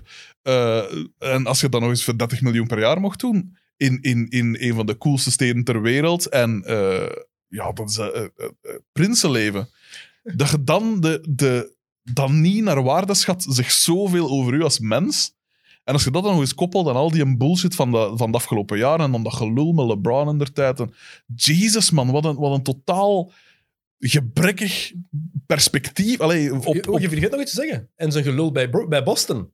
Ah, ja, ja, tuurlijk. nog? Ja, Eerst ja. tegen de fans zeggen, if you'll have me, I'll resign here. Ja, en op het einde van het jaar zonder iets te zeggen gewoon het afbollen. En dan ook tegen, tegen, tegen Milwaukee ineens zeggen, ah, ik, pak deze, ik ga deze gast verdedigen en dan laten zien dat je dat eigenlijk totaal niet kan. Allee, Ja, ja. is belachelijk toen. Ja, het is dat. Het is dat. Dus dan pijs ik van, allee, jongen, man, een- ik begrijp dat een geweldig kan dribbelen. Hè, en dat hij inderdaad eh, ja, een uitzonderlijke speler is. Mooiste speler die ik ooit in leven beleven. Nee, nee, geen grap, geen grap. Mooiste speler die ik ooit in het echt heb gezien. En ik heb al best wat NBA-matchen mogen zien in mijn leven. Ik heb dat die Al dan, niet, al dan niet in stripclubs. Ik heb nog nooit een NBA-match in een stripclub. Ik ben één keer in een stripclub geweest, Frederik. Dat was, allee, dus dat is het. Ja, maar dat heeft bedoel, toch- ja, de mooiste toch- speler die ik ooit op een basketveld heb gezien. Ik heb met open mond daarnaar gekeken. De eerste Mhm. keer was in Chicago, toen Cleveland daar op bezoek kwam. zes jaar geleden nu. Mm. Ehm, en dan twee jaar later de NBA Finals tegen, Mhm. tegen ehm, Golden State. Waanzinnig. Ik was er met Thomas van de Spiegel de laatste jaar, eh, met twee met open mond zitten kijken. Mhm. Gewoon van wat die gast kan met een basketbal. Hoe hij die bal tegen het bord kan doen. Hoe hij zijn eigen shot kan creëren. Mm. Het is, op basketbalvlak is het een genie. Maar hij heeft toch wel ook al... jij ziet meer basket als ik, hè, maar heeft een, ooit al... Bij Boston bijvoorbeeld, eh, meen ik mij te herinneren dat een, een tijdje oud was Mhm. en dat ze het beter deden zonder hem als hem. Ze hebben dat de is conference natuurlijk... finals gehaald zonder hem. Ah, wel, voilà. Dus dat, dat is natuurlijk afhankelijk van een aantal dingen. Maar dan pijs ik ook van, ja, je moet niet zo de man uithangen als je niet eens essentieel bent voor het succes van je team. En vind je dat Barkley dan ook gelijk heeft dat hij niet moet praten over my art, mijn kunst? Oh, Doe- tuurlijk niet. Wat een, wat een, wat een pretentie. Wat een gelul. Heerlijk. Ik heb twee boeken geschreven en ik noem mezelf nog altijd geen schrijver. Terecht trouwens. Maar dat je ah, basket en kunst. Oh, oh, basket is een kunst. Nee, dat is niet waar. Dat is Absoluut geen wel. kunst. Dat is geen kunst. Je kunt. Ik vind het een geweldig. Sorry, als ik ben een Mon- Mondri- basketfan. Mondriaan tekent vlakjes. Mondriaan Dat is kunst. breekt met de bek niet open over Mondriaan. Maar daarvan kunnen we nog zeggen van oké, dat is iets nieuw. En, eh, Iets nieuw? Ik, ik vind Is- ook... Ja, het is ik weet... Ik ben, ik ben geen fan van Mondriaan. Verre van. Maar dat je zegt dat basket een kunst is, kom zeg. Dat is gelijk zeggen dat, dat Formule 1 een sport is. Dat is geen Oh. sport, hè. Dat is, fysiek, dat is fysiek belastend. Je moet in topvorm zijn. Maar als één ding, als één seizoen bewezen heeft dat het vooral van Notto afhangt, dan is het wel het eerste Maar jaar dat geweest. hè. los van het feit dat het een sport is. Het is geen sport. Jawel, het is een competitie en het is een, is een spel sport. en het is, een, is een sport. geen sport. Die, man- mannen zijn fitter dan ik ooit zal zijn. Ja, dat is waar. eh, maar ik bedoel, een, eh, een militair is ook fitter als dat wij ooit is, gaan dart, zijn. is darts wel een sport? Natuurlijk niet. Natuurlijk is dat geen sport. Eh, bij een sport, vind ik, moet het lichaam doorslaggevend zijn. En dat is bij Formule 1 niet het geval. Dat is een Otto doorslaggevend. Bij darts is, moet het, het lichaam... Er moet een arm doorslaggevend zijn. maar, maar basket een kunst noemen, dat gaat mij toch echt wel te ver. Ik, ik vind, dat is een ik- affront voor echte kunst. Maar ik vind, dat, dat vind- ben ik het niet mee eens. Nee, Want ik, want ik, vind, ik vind dat sport in het algemeen een kunstvorm is. Ik, als je een vrije trap van, van Lionel Messi of van Pirlo destijds van, of van, van David Beckham, dat was een kunststukje. dat was prachtig om te zien. Maar, ah, wel, dat was een kunststukje. Ja, maar als mijn moeder spaghetti maakt, is dat ook heerlijk. En dat is de beste spaghetti dat ik van mijn leven al gegeten heb. Maar dat is geen kunst, hè, jongens. Als ik eh, eh, eh, een stukje Ik- schrijf of zo, is dat ook geen kunst. Wat, wat, wat vind jij wel kunst? Dit, dit Eh, leidt ons ver. Maar een- goed, een- heel, even, heel even deze uitstapje maken. Ik ben heel, heel benieuwd wat jij wel kunst vindt. Ja, bepaalde, bepaalde schilderijen bijvoorbeeld. Bepaalde schilderijen. Geen bepaalde enkel- muziekstukken. Er is geen enkel schilderij waar ik liever naar kijk dan naar die vrije trap van David Beckham bijvoorbeeld voor ehm, Engeland tegen, was het tegen, tegen Griekenland. Om ze naar het WK te Ja, brengen. dat was een geweldige vrije trap. Dat was kunst. Ja, maar kunst, kunst ja. gaat langer mee dan drie seconden. Hè. Ik bedoel... En kunst... Nee, want je kan ernaar blijven kijken. Ik kan, da- ik kan daar drie uur naar kijken, naar één vrije trap. Oké, maar om kunst te maken moet je meer doen dan, dan een handeling van drie seconden. Vind ik persoonlijk. Die mens heeft daar jaren op getraind. Hè? Ja, oké. Oké, Maar dat is talent ik, of zo. vind, ik vind dit wel kunst, maar ik vind het onnozel om te spreken over my art. Ja, Mijn natuurlijk. kunst. Dat vind ik wel. Want ik vind wel dat basketbal een kunst is. Absoluut. Ik vind, het een, ik vind dat heel veel sporten een kunst zijn. Oh, Dit is, het, dit is een schisma tussen ons. Ik vrees dat deze anderhalve meter onoverbrugbaar eh, blijft. Oké, goed, maar ga, ga, door, ga vooral door. Ga vooral door. Eh, dus ja, my art eh, is belachelijk. Hè. Ik vind dat echt, zelfs al bedrijfde kunst, dan moet je dat niet zo, niet zo zeggen. Ik bedoel, als je, in de, als je in de porno zit, moet je ook niet constant over je lul bezig zijn of zo. Dan, dat, dat, dat, zien we, dat zien we dan wel of zo. Maar we moeten er niet constant over zitten. Kom aan. Ik bedoel, en niet alles is een kunst. En sport, ik, ja, ik vind dat ook, sommige dingen vind ik ook prachtig om te zien. Eh, als ik Marco Materazzi iemand doormidden zie, zie stampen, vind ik Dus dat ook prachtig om te zien. tussen Wout van Aert en Mathieu van der Poel. Dat is, dat is prachtig om te zien, maar dat is geen kunst. Juist gelijk als dat de meeste kunstwerken ook geen kunst zijn. Hè. Oké, dus eigenlijk vind jij... Het woord kunst bestaat gewoon niet. Hoeveel Jawel, keer heb trouwens al gezegd in de laatste drie minuten? ik weet echt niet wie wat geturfd heeft. Het is, ik word er zelf een beetje aan betand van. Ja, maar ik vind gewoon, de lat mag gewoon wat hoger liggen. Want, en daar gaan we waarschijnlijk zo nog toe komen, dat LaMelo Ball eh, de eerste is met een triple... De jongste is met, met een triple-double, is ook gewoon omdat het... Dat zegt meer over deze tijd dan over LaMelo Ball. Al is Absoluut. LaMelo Ball wel echt goed. Ja, ik kan basket. Nee, nee, maar hij is, dat echt, is een hij, feit. is, hij is echt goed. En Mag ook wel, gezien alle kak dat er de laatste tien jaar aangehangen is. Of het voelt toch al als tien jaar. Ongelooflijk. Dus moest nu niet kunnen is basketten. 19. Dat is... maar moest nu ook nog eens niet kunnen basketten, zou het al te belachelijk zijn. Gelijk die een derde daar. Hoe noemt daar? Dingskes, dan de, de, bal. tweede, de tweede, de Liangelo. Ja, die kan, die kan toch niet basketten? Die speelt toch ergens daar Ja, was, die- hij ging naar de Detroit Pistons. Ja. Drie dagen later, ja, Liangelo. Ah, ja. Toch niet. Denk het niet. Ja, voilà, het is dat. Eh, dus het zo een beetje spijtig geweest. Hij moest niet kunnen basketten. Maar eh, het feit dat hij een, als jongs nooit een triple-double kan halen, zegt zoveel over tot wat dat deze sport geërodeerd is. Dat, ik vind dat zo tristig. Dat, dat, want ik heb er beelden van... Ik zeg het, ik ben niet de grootste basketkijker, zeker niet vergeleken met u, maar ik heb eh, genoeg beelden gezien toch om te weten van... Ja, allee, een minimum aan defense en... en allee, dat, dat is toch schandaal. Dan een point guard ook zo gemakkelijk een triple-double kan halen. Oscar Robertson was ook een point guard. Hè? Ja, maar, als, maar dat was ook weer een tijd... Toen konde jij ook mee, hè? Oh, was het maar zo. Dat- Was Toen het konde maar jij, maar toen konde jij mee. Oscar Robertson is jaren 60. Ja. Toen konde jij mee. Ik dat- niet als topspeler of zo, hè, maar, maar ja, wel, tuurlijk wel. Tuurlijk wel. Ik bedoel, had drie goede ploegen of zo. En dan, natuurlijk kostte ge- Ik twijfel er zelfs... Ik, ik, ik durf zelfs nog stellen dat je tegenwoordig met de New Jersey... en met de Brooklyn Nets mee kunt. Met wat dat die nog kunnen betalen. Gewoon Qua, in de- in de hoek staan een shotje pakken. ah, wel, voilà. Ja. Dat moet je tegenwoordig maar kunnen. Ehm, Kyrie, Ja, daar sorry. waren we over bezig. Ja. Ehm, ik vind Kunst dus. Ja, ik, ja. ben- het feit, ik vind basketbal effectief wel een kunst. Maar dat je dat zegt over jezelf vind ik zo verwaand. Maar Vind ik natuurlijk. zo ongelooflijk dikke nekkerig. Absoluut. Irritant. En dit uit de mond van een Antwerpenaar. hè. Absoluut. En, oh, Antwerpenaar en een halve Hollander. Hè? Hopla. Dat is echt, allee, dat is de, Oeh. het, summum Worlds are colliding. di- het summum van dikke nekkerigheid dat er bestaat. Hè? Het, het, het ruimtetijdscontinuum komt hier in gevaar. hè. Maar ja, ik, ik weet, ik zei voor eh, bij de preview met Thomas, Mhm. onze preview van de Eastern Conference, heb ik gezegd, de Brooklyn Nets, ik had ze op, 10, op 2 gezet, omdat ik Mhm. Je kan, niet rond, je kan niet omheen het talent van Kyrie Irving en Kevin Durant. Ja. Het is gewoon zeker Kevin Durant.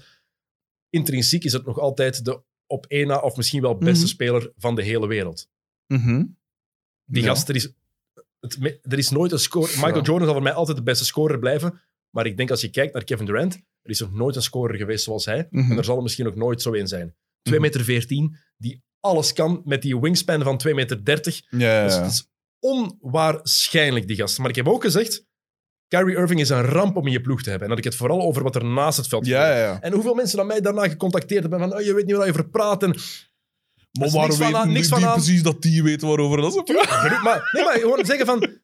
Zoveel mensen die nog altijd geloven in het feit van Kyrie gaat zich toch wel kunnen aanpassen. Wat mooi is dat mensen positief denken van oké, nee, die gast, dat was gewoon tijdelijk. Nu komt hij in een goede situatie, nu gaat dat Hmm. veranderen. Maar ik dacht van, kijk, ik zou het heel graag willen geloven, want ik zie die gast ongelooflijk graag spelen. maar als we kijken naar wat we gewoon gezien hebben de laatste Ja. jaren, dan kunnen we daar niet in geloven. En we zijn nog geen maand ver. Nog geen maand. Ja, ja. En hij is al meer dan een week vermist. Letterlijk vermist. Niemand weet waar die gast is.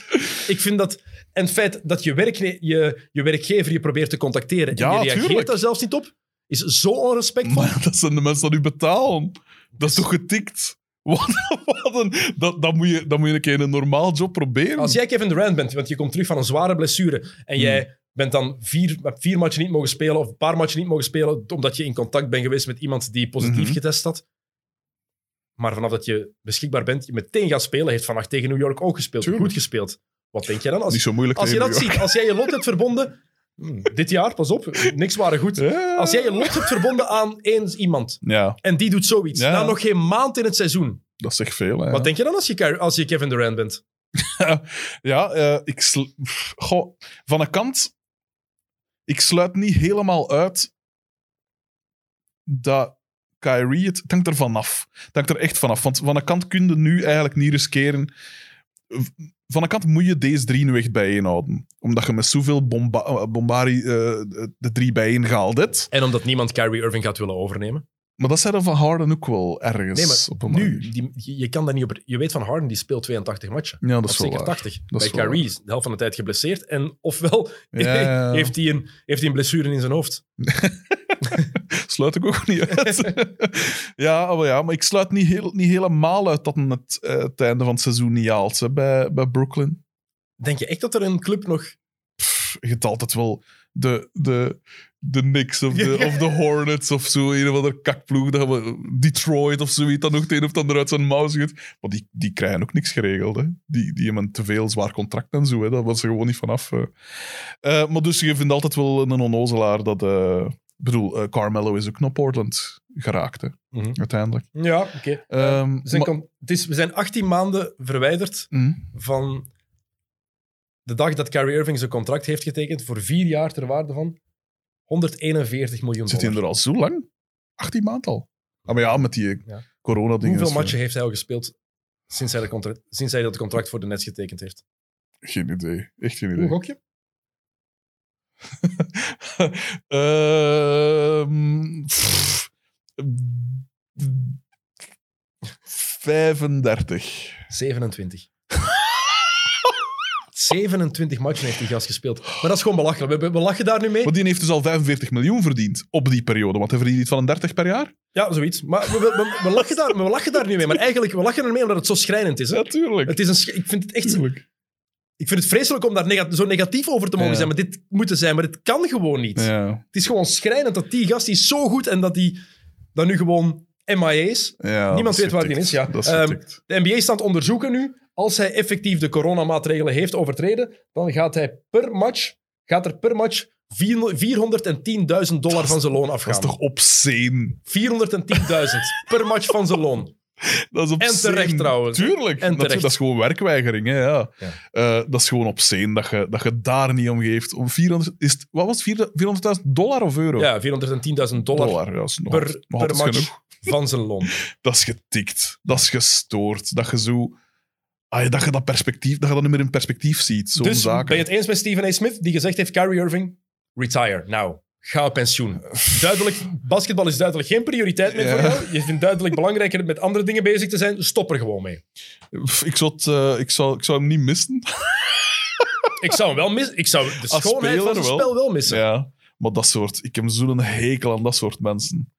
Ten eerste, ik zeg het, ten eerste arrogantie haat ik al. En dan die domheid van, van, eh, van die, dat flat earth gedoe. En als het geen domheid is, dan is het gewoon mensen kloten. Dan is het gewoon irritant doen. Trollen heet dat dan tegenwoordig. Ik vind dat gewoon een zieker zijn. Dat is het gewoon. Niet meer of niet minder. Oké, nog een paar andere dingen. Oh. Ehm, Zijn er nog er andere er ploegen? zijn nog ook? andere ploegen die ook Ah, ja, oké. De Houston Rockets. De, de niks. De Rockets, de Rockets hebben hun picks terug. Alle picks die ze Ja. kwijt zijn, ges- hebben, zijn gespeeld door Russell Westbrook aan te trekken, wat al ongelooflijk dom was, die trade. Tuurlijk. Toen we hoorden van, oh, ze gaan misschien voor Westbrook traden, geef geen picks op, geef geen picks op. Drie picks aan. Ja, inderdaad. Dat was getikt. Idioten. Dat was Nu getikt. hebben ze Raphael Stone, de nieuwe GM, heeft het heel slim gedaan. Ehm, vier picks, drie pick swaps, één telt Mhm. niet in mijn ogen, dus heel goed. Ehm, ja, de Nets die geven hun toekomst opnieuw helemaal op. Mm. Heel veel twijfels bij. Eh, want bijvoorbeeld, dat hebben de Lakers ook gedaan, maar Anthony Davis binnenhalen met LeBron daar was een garantie op een titel. Dit is geen garantie op een Nee, titel. absoluut niet. En dat is een belangrijke nuance, denk ik. Ehm, Ma mag ik eens vragen, hoe, eh, hoe hoog schatte jij de Rockets nu in als, als, als team? Is dat een playoff team? Is dat een... eh, maar ik vond het met Harden al geen playoff team dit jaar.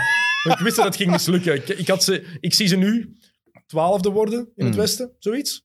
Dus feitelijk moeten ze gaan van een full rebuild eigenlijk. Nou, ze, hebben- ze hebben John Wall, die, ook, die, Ah, ja. van, die er goed uitziet, maar terugkomt van Achillespeesblessure. Ja. Ziet er goed uit. De Marcus Cousins, heeft al, is al twee keer uitgesloten geweest. Heeft misschien vijf matchen gespeeld. Ehm, je hebt Victor Oladipo, die weg wou bij Indiana, maar die Ja. ook terugkomt van een zware blessure. Oladipo zag er oké uit, maar was bij lange nog niet de Oladipo. Hij zag er fysiek oké uit, maar zijn basketbal was toch niet goed Mhm. bij Indiana. Mhm. Zeker niet als je het vergelijkt met hoe Sabonis en Brogdon aan het spelen zijn. Nee, fenomenaal zijn dit seizoen. Voor, oh. Dus Houston. Ik vind het een hele goede zet voor Houston. Die denken aan hun toekomst. Ze hebben de picks terug. Daar kunnen ze wat dingen mee doen. Mm. Ehm, ogen gericht op de toekomst. En dit jaar... Het zat er toch niet... John Ja. Wall en, en, en eh, James Harden, dat, dat ging sowieso niet werken. Nee, sowieso ogen. niet, inderdaad. Eh, de, ik weet nu wel, ik ken nu wel de contractsituaties niet van Wall en Cousins. Ah, wel, Ik weet nu niet, bijhalen. Want- als die niet te lang zijn, dan moet je inderdaad gaan van een volledige rebuild. En dan geeft het die een... eh, want dat deed ook al, het feit dat die Silas daar nu coach is, is ook al een teken van, ja, Ja, maar het is aan dingen willen doen, maar ehm, Cousins maakt niet uit. Hij heeft een contract voor één jaar. Ja. Want ehm Oladipo, laatste jaar van zijn contract. Dus daar kunnen ze, die kunnen ze nog traden. Daar kunnen ze nog dingen mee doen. speelt, voilà, ja. Ja, van, of die wordt gewoon free agent op het einde van het jaar. Dat sowieso. John Wall, nog twee jaar contract. Maar derde jaar, player option. Gaat hij niet weigeren, want Natuurlijk niet. ter waarde van 47 miljoen. dus, kijk. Maar welke gek heeft die mens ooit dat contract aangeboden? eh, hoe weet... En hoe lang was dat Ernie, Grunfeld. Ja, tuurlijk. Ernie Grunfeld, ja. tuurlijk. Maar, maar die, dus zijn contract loopt nog Tot drie... 2023 was een contract van vijf jaar. Ja, En dit contract getekend, Achillespees dus afgescheurd. nog twee jaar en een chic, ja. Ja. Eh, en dan hebben ze natuurlijk Eric Gordon, die zijn contract loopt tot 2024. Dat is Ja. 20 miljoen per jaar. Presteert die eigenlijk nog een beetje? Want ik, een tijd geleden kwam die vaak aan bod toen dat er nog... Hè, toen dat er nog Toen ze nog interessant en goed waren. ja, Ja. maar de laatste tijd horen we er zo niks meer van, hè? Vorig jaar, maar heeft natuurlijk sukkeld ook met wat blessures. Maar Ja. ja, Houston is ook gewoon een shitshow geweest vorig jaar. Hè. Absoluut. Ehm, maar Houston dit jaar, nu, met deze, deze optie, ik denk dat Oladipo de kans kan krijgen om zich weer wat meer in de kijker te spelen. Ja. Wou ook weg bij Indiana. En ik denk dat Indiana een geweldige zet gedaan heeft, gemaakt heeft, om te zeggen. gemaakt heeft. Eh, ja. Hele, hele goede deal. Slim van Indiana. Caris LeVert past daar perfect. Ja. Perfecte fit voor die ploeg in mijn ogen. Zeker nu TJ Warren nog altijd geblesseerd is. Ehm LeVert met Brogdon, met Sabonis en met Miles Turner, die defensief dit jaar een Vier bloks of zoiets, hè? Wow, wat een beest is dat dit jaar voorlopig. En Sabonis, hoe die aan het spelen is. Plus Oladipo ging zijn contract toch niet verlengen. Ja, Dus heel slim gedaan. Ehm, Brogdon, nog eens een bewijs dat Milwaukee die altijd had moeten behouden. inderdaad. Inderdaad. Dat ze voor Eric Bledsoe gekozen hebben toen is, is gewoon gatachterlijk. Inderdaad. Ehm, ja, dat is gewoon de waarheid. Maar Indiana is Zwaar. een van de... Als je League Pass hebt, zet match van de Pacers op. ja? Echt waar. Zo'n zo'n leuke ploeg om te zien. En Sabonis is... Sabonis is voorlopig een van de tien beste spelers in de NBA. Beter dan zijn vader, denkt u? Anders kan je niet vergelijken. Nee, Hmm. nee zijn, vader was een, zijn, vader was een, zijn vader was Nikola Jokic 1.0. Inderdaad, ik ging het juist Dus zeggen. dat, is, dat is helemaal anders. Ja, in die tijd ook. Raar. Dat is anders. En dan heb je nog Ja. ehm, misschien wel de domste zet van de Nets. Jared, want Caris LeVert Ja. laten gaan, snap ik. Maar Jared Allen, hun beste defensieve speler. En nu zit je met DeAndre Jordan. Je hebt het in het begin al gezegd, is al jaren is dat bergaf aan het gaan. Ja. En dan laat je Jared Allen gaan. Die, ik, ik wist dat hij dit jaar, ik heb er nog met Johannes Genaar eh, online soort even over bezig geweest, wie de starter ging zijn. Maar DeAndre Jordan is het vriendje van Kyrie en van Kevin Durant. En Jared Allen was wel de toekomst. Tuurlijk. Wat, wat Maar ik denk wel dat ze niet anders kon. Ik denk niet dat je... Nee, eh, mogelijk. als je enkel Le- Levert en, eh, en, en Jordan zou gegeven Maar ook zeven picks, hè? Zeven picks. Ja. Die te- eigenlijk acht, maar zeven picks waar ze iets mee kunnen doen. Ja, ja, dat is waar. Ehm, nu, de Cavs die gaan ook nog iets doen, want die hebben nu... Ja. Die hebben ze allemaal. JaVale McGee, Larry Nance, ehm, Kevin Love, ook, die is geblesseerd, Andre Drummond, Drummond, ja. Jared Allen. Die loopt dan ook allemaal rond van big guys. En er nog een paar, hè? Big ball. Ja, Geen small ball, maar big ball. dus die gaan ook nog... Ik zie ze Andre Drummond nog wel traden. Drummond is goed Ja. bezig, daar gaan ze wel proberen iets meeste mee te doen, waarde, ja, het dat. Ja, ik weet niet hoe... eh, want er zijn ook veel, het zijn ook veel veteranen ook gewoon. Hè. Eh, Love en Drummond en wie is er nog allemaal. Ja, die moeten weg. Hè. Als je het toch inzet op, eh, op Sexton en anderen. Het, het duo met de het beste bijnaam, Sexland. Come on. Sexland. Dat James Harden daarin naartoe was. eh, Dat is Cleveland. Dat is, verwonder- Cle- dat is Cleveland. Allee, er is één straat in Cleveland waar hij iets kan doen. Dus nee, nee, nee. Daar, daar kan hij niet naartoe gaan. Maar Sexland, goede bijnaam. Schitterend, Ze ja. moeten het wel een beetje meer omarmen. Natuurlijk, de States, preuts. Ja, ja, en in. Cleveland durven ze toch niet helemaal gebruiken. Ja, inderdaad. Belachelijk. Allee, is gewoon... Oké, Maar, eh, Laatste vraag hierover. Wie wint deze trade? Van de vier teams. oh, eh, Indiana, Houston, Cleveland of Brooklyn?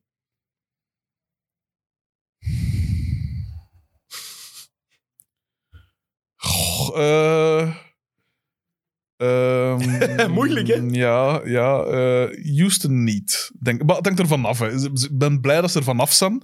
Op dat vlak winnen ze absoluut. dat de rust weer kan, kan weerkeren en dat je kunt opnieuw opbouwen. Maar ja, Maar Houston, ik moet even bedenken, als Brooklyn in 2024, 25, 26 of 27 een top 3 pick heeft, of de nummer 1 pick, mm, die is voor Houston. ja, Die ja. gaat naar Houston. Hè. Ze kunnen LeBron James Jr. binnenhalen. Ze kunnen misschien Emoni Bates binnenhalen. Ze kunnen Mikey Williams binnenhalen. Ja, Liangelo Ball is misschien nog wel ergens.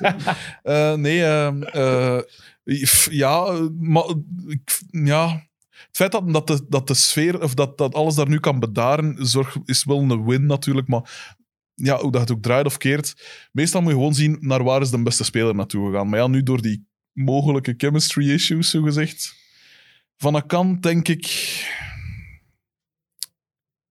Goh, moeilijke vraag, joh. Oké, het is heel... Wie denkt jij? Ik denk dat er... Ik kan het niet zeggen. Omdat ik alles... Ik weet niet wat er met Kyrie Irving gaat gebeuren. Ja. Daar hangt heel veel van af. En er is te veel onduidelijkheid over hoe het met Kyrie zit. En Mhm. als die drie samen... Gaan die effectief luisteren naar Steve Nash? Gaan die in dat systeem willen werken? Mm. En gaat James Harden iets anders kunnen doen dan Hardenbal spelen? Dat is het Voilà, belangrijkste. is. Die breedte, oké, die kern is niet breed genoeg. Ehm, er is defense nodig. Ze hebben, ze nog drie open spots. Ze hebben nog 5,7 miljoen ehm, voor de tax mid-level binnen, iemand binnen te halen. Ze hebben de minimum exception. En wat is het? De disabled player exception. Daar is iemand voor 5,7 miljoen kunnen tekenen. Ja, dus ja. dat, is wat, dat is de vraag. Oké, nog een Ik denk, ik denk eigenlijk, als je, als je alles wil beschouwt... eh, allee, als je alles samen rekent, denk ik dat misschien Indiana nog het meest gewonnen heeft. Oké. We hebben de klok niet opgezet. Ik denk dat we al even bezig zijn, maar ik wil toch nog een paar andere onderwerpen De aanraken. luisteraars en de kijkers smullen van dit alles natuurlijk. Hè. Mondriaan, wat is dat We allemaal? hebben het zelfs nog niet over de kampioenen gehad. Oh, Gaan we ook niet doen. dat Nee, nee, alstublieft. nee. dat, hou ik voor, dat hou ik voor jouw podcast. Gaan we het niet over hebben. Mij heeft. Adam Silver zijn eerste grote fout gemaakt als commissioner van de NBA door dit seizoen te laks te laten beginnen? Ja, allee, als feitelijk gezien wel. De vraag is natuurlijk, ja... Allee, ik, We zijn allemaal geen virologen. We, Nee. we doen ook niet alsof we dat zijn. Heel veel mensen doen dat graag. Hè? mm, Dit zijn de cijfers. Dit, Nee, ja, het is, Sorry, dat, het, is ik, ben- moeilijk, ik, ken daar, ik ken daar niks van. het is moeilijk te bezien natuurlijk. Hè. En, allee, ik pijs het is ook een ongelooflijke spreidstand, want er gaat zoveel geld in om. En, eh, maar ja, de, de, je kunt natuurlijk geen gans jaar zo'n bubble doen. Hè. Dat is ook zo'n... Nee, maar je had wel al bijvoorbeeld voor kunnen zorgen dat spelers elkaar niet na de match, de spelers van de verschillende ploegen, Ah, ja. elkaar handshakes Ja. geven. Ehm, Anderzijds, maar ja, inderdaad, er wordt toch niet meer verdedigd tegenwoordig. Dus vroeg in de jaren negentig was iedereen besmet na één speeldag. Dat is inderdaad hypocrisie, want dat is ook mijn Voilà. opmerking altijd. Als er nu één sport is waarin het gevaarlijk is om iets door te geven, dan is het ook basketbal. In Ja. een zaal. Er is geen enkele sport waar je zo vaak tegenover echt zo, Ja. zo dicht contact hebt met iemand Ja. als, bij, als in het basketbal. Inderdaad, ja. En Het is, het is, ik vind het heel moeilijk. Ehm, maar natuurlijk, ja, eh, te laks, dat, dat sowieso. maar kijk naar bijvoorbeeld naar hoe Seth Curry, die wordt Ja, van de bank gehaald tijdens de match. Jonas Valanciunas, hetzelfde. Ja. Die, wordt- die match was bezig, die waren getest. Oh, ineens een positieve test. Ja, nee, kijk. Wacht tot je de uitslag hebt, voor je iemand op de bank laat zitten. Ja, Dat is al één. Inderdaad. Er moet iets gedaan worden met de G-League. Die gaan wel in een bubbel spelen. Mm. Maar dat bijvoorbeeld de Sixers in, in- ineens maar met zeven man waren. Goed mopje trouwens van Charles Barkley. There were seven Sixers. Ah, mooi, Charles. maar er moet iets gevonden worden waardoor er gespeeld kan blijven, kan, kan blijven worden. Want nu, Mm. we hebben al heel vreemde uitslagen gezien. Het gaat alleen maar vreemder worden. Eh, want Miami zit met te veel besmettingen. Philly Ja. zit met te veel besmettingen. En dat gaat, het gaat niet minder worden. Nee, en zeker als je kijkt hoe de cijfers in Amerika zijn. Mm. We hadden het ergens verwacht op voorhand, maar het is daar erger dan in de rest van de wereld. Het ding is natuurlijk ook van eh, in hoeverre kun je, kun je afdwingen dat zij sneller vaccins krijgen. Dat vind ik een moeilijke Niet. afweging. In principe, als, als een mens vind ik inderdaad ook eh, absoluut niet. Want wat maakt die mensen meer waard dan een ander? Eh, maar anderzijds, als je dan nadenkt aan de economische impact van het feit of dat zij gevaccineerd zijn of niet. Ik bedoel, als ik eh, gevaccineerd ben of niet, dan maakt verschil uit voor... Goh, niemand. ik dacht te zeggen mijn moeder, mijn lief, maar goh, zelfs dan nog. Ehm, maar als je dan ziet, ja, per, hoeveel NBA-spelers zijn er? Een 500-tal, een paar duizend dat er dan omheen hangen en dan, eh wat is het, eh, en noem maar op. Ehm, zelfs wij in zekere mate, dat is. Want als ze niet spelen, ja, dan sta je natuurlijk met je podcast. Hoe dan ook, als er zoveel economische, economisch gezien zoveel van afhangt van een betrekkelijk lage populatie van te vaccineren mensen, dan kun je wel overwegen van ja, misschien wel. 450 man. Ah, wel. Pak- nee, met de coaching staffs pakt 600 man. Ja. Pak zelfs nog met wat reserve, weet ik veel, pak duizend man. Mhm. Ik weet, niet Dan- of je, ik weet niet of je dat kan verantwoorden, eerlijk gezegd. Nu, Het ding is, waar trekt je dan de grens ook? Ja, hè? Want voilà. er zijn Exact. zoveel andere dat is bedrijven. mijn en, punt. Ja, Exact, voilà. Dat is mijn punt. Je- Dus dan, ja. dan is het zo moeilijk. Waarom zouden sporters dan zouden die voorrang hebben op een andere sector die ongelooflijk veel geld binnenhaalt, eh, economisch Mm. gezien? Dus dat Je, kunt, je kunt eventueel wel zeggen van ja, ziet, voor zoveel miljoen dollar wel. als dat dan wordt besteed aan maatschappelijke dingen of zoiets, kun je nog zeggen van oké, ze... Maar dat is dan weer het, het privilege van de rijken, zogezegd, waar ik absoluut tegen ben. Oh, ik vind het moeilijk. Ik vind het moeilijk. En ik zeg het, ja, Adam Silver, ja, eh, zijn... Dat is gelijk een vakbond of zo. Je kunt altijd wel klagen over vak... Ik, principieel sta ik altijd achter een vakbond. Maar soms kun je ook wel zeggen van, jongens, je moet niet elke stakingsdag... eh, je moet die niet allemaal pakken. Ik sta niet achter de vakbond van de mensen, van de mensen bij, het, bij het openbaar vervoer. Van. Kom, hé. Ik in principe wel, maar soms kun je zeggen van, ja jongens... En dan ja, we rijden niet vandaag. Ja, dat is, ik bedoel, ik, ik, heb, ik heb vroeger veel met een trein naar school Ja, ik ook, zo. ik ook. Echt heel veel met de trein. En dan sta je daar. Ik ook. Nu, ik vond dat niet zo erg. Ook, ik ook niet. Maar als het nu zou gebeuren, als ik zou moeten gaan werken, zou ik wel echt Ah, pissig zijn. Ja, het is dat. Tuurlijk. Ah, wel, dus ik be- dat begrijp ik wel. Maar ehm, Iets heel... Vakkunst. kunst, vakbonden, wat is dat wel? Maar ik zeg het, dus die Adam Silver heeft natuurlijk... Ja, die moet zijn, zijn organisatie verdedigen natuurlijk. Dus ik vind dat moeilijk. Ik vind dat een heel moeilijke afweging. Maar dat het te laks is, ja. Zijn te soft geweest in Vanuit het het, begin. vanuit het sportief dingen en zo inderdaad. En zeker, ja, inderdaad, in het begin. Ehm, maar anderzijds, van, ja, die, die spelers hebben ook families en, en wat is het allemaal. Dat bubbel gegeven was al lastig. Maar wat ik dan onlangs hoorde, van dat ze like op hun hotelkamer of zoiets, mochten ze één of twee gasten uitnodigen. Ja, dat is waanzin, hè? Ja, het mag nu niet meer. niet meer. Je mag- ze mochten ook naar... Per stad waren er drie restaurants goedgekeurd door de league waar ze naartoe mochten gaan. Dus iemand die hem daar echt moeten mee bezighouden. Ja. getikt. Echt, voor elke stad was er een lijst van drie Ja. restaurants waar ze naartoe mochten gaan. Gemakkelijk voor Cleveland, want er zijn er maar drie. Dat is heel simpel. Om naartoe te mogen gaan. Nu mag dat niet meer. Ja. Je mag niet meer op restaurant gaan. Je mag geen gasten meer ontvangen. Mm. Ehm, in je hotelkamer ook. Ik heb het opgeschreven. Wat, wat was er nog allemaal? Eh, je mag, je mag, dat, dat vind ik het belachelijkste. Je mag geen high fives meer geven. Met, met- ik, ik snap de redenering, hè. Ja. Ik snap het echt wel. En het is, het is ergens ook een voorbeeld geven, waarschijnlijk. Mm. Maar als je in de rebound elkaars armen mag vastpakken, Ja. en, dan is dat belachelijk gewoon. Is dat, is gewoon onnozel dan. Dat is puur voor de, voor de, voor de buitenwacht natuurlijk, zo'n zo'n regel. Maar ik Dus dan is het ergens, is hij te soft geweest? Ja, maar langs de andere kant, basket is gewoon zo'n sport waar Ja. zo'n contact gewoon niet te vermijden valt. En dan vraag ik me af of het eigenlijk wel uitmaakt. Ja. Nog eens, we zijn geen virologen.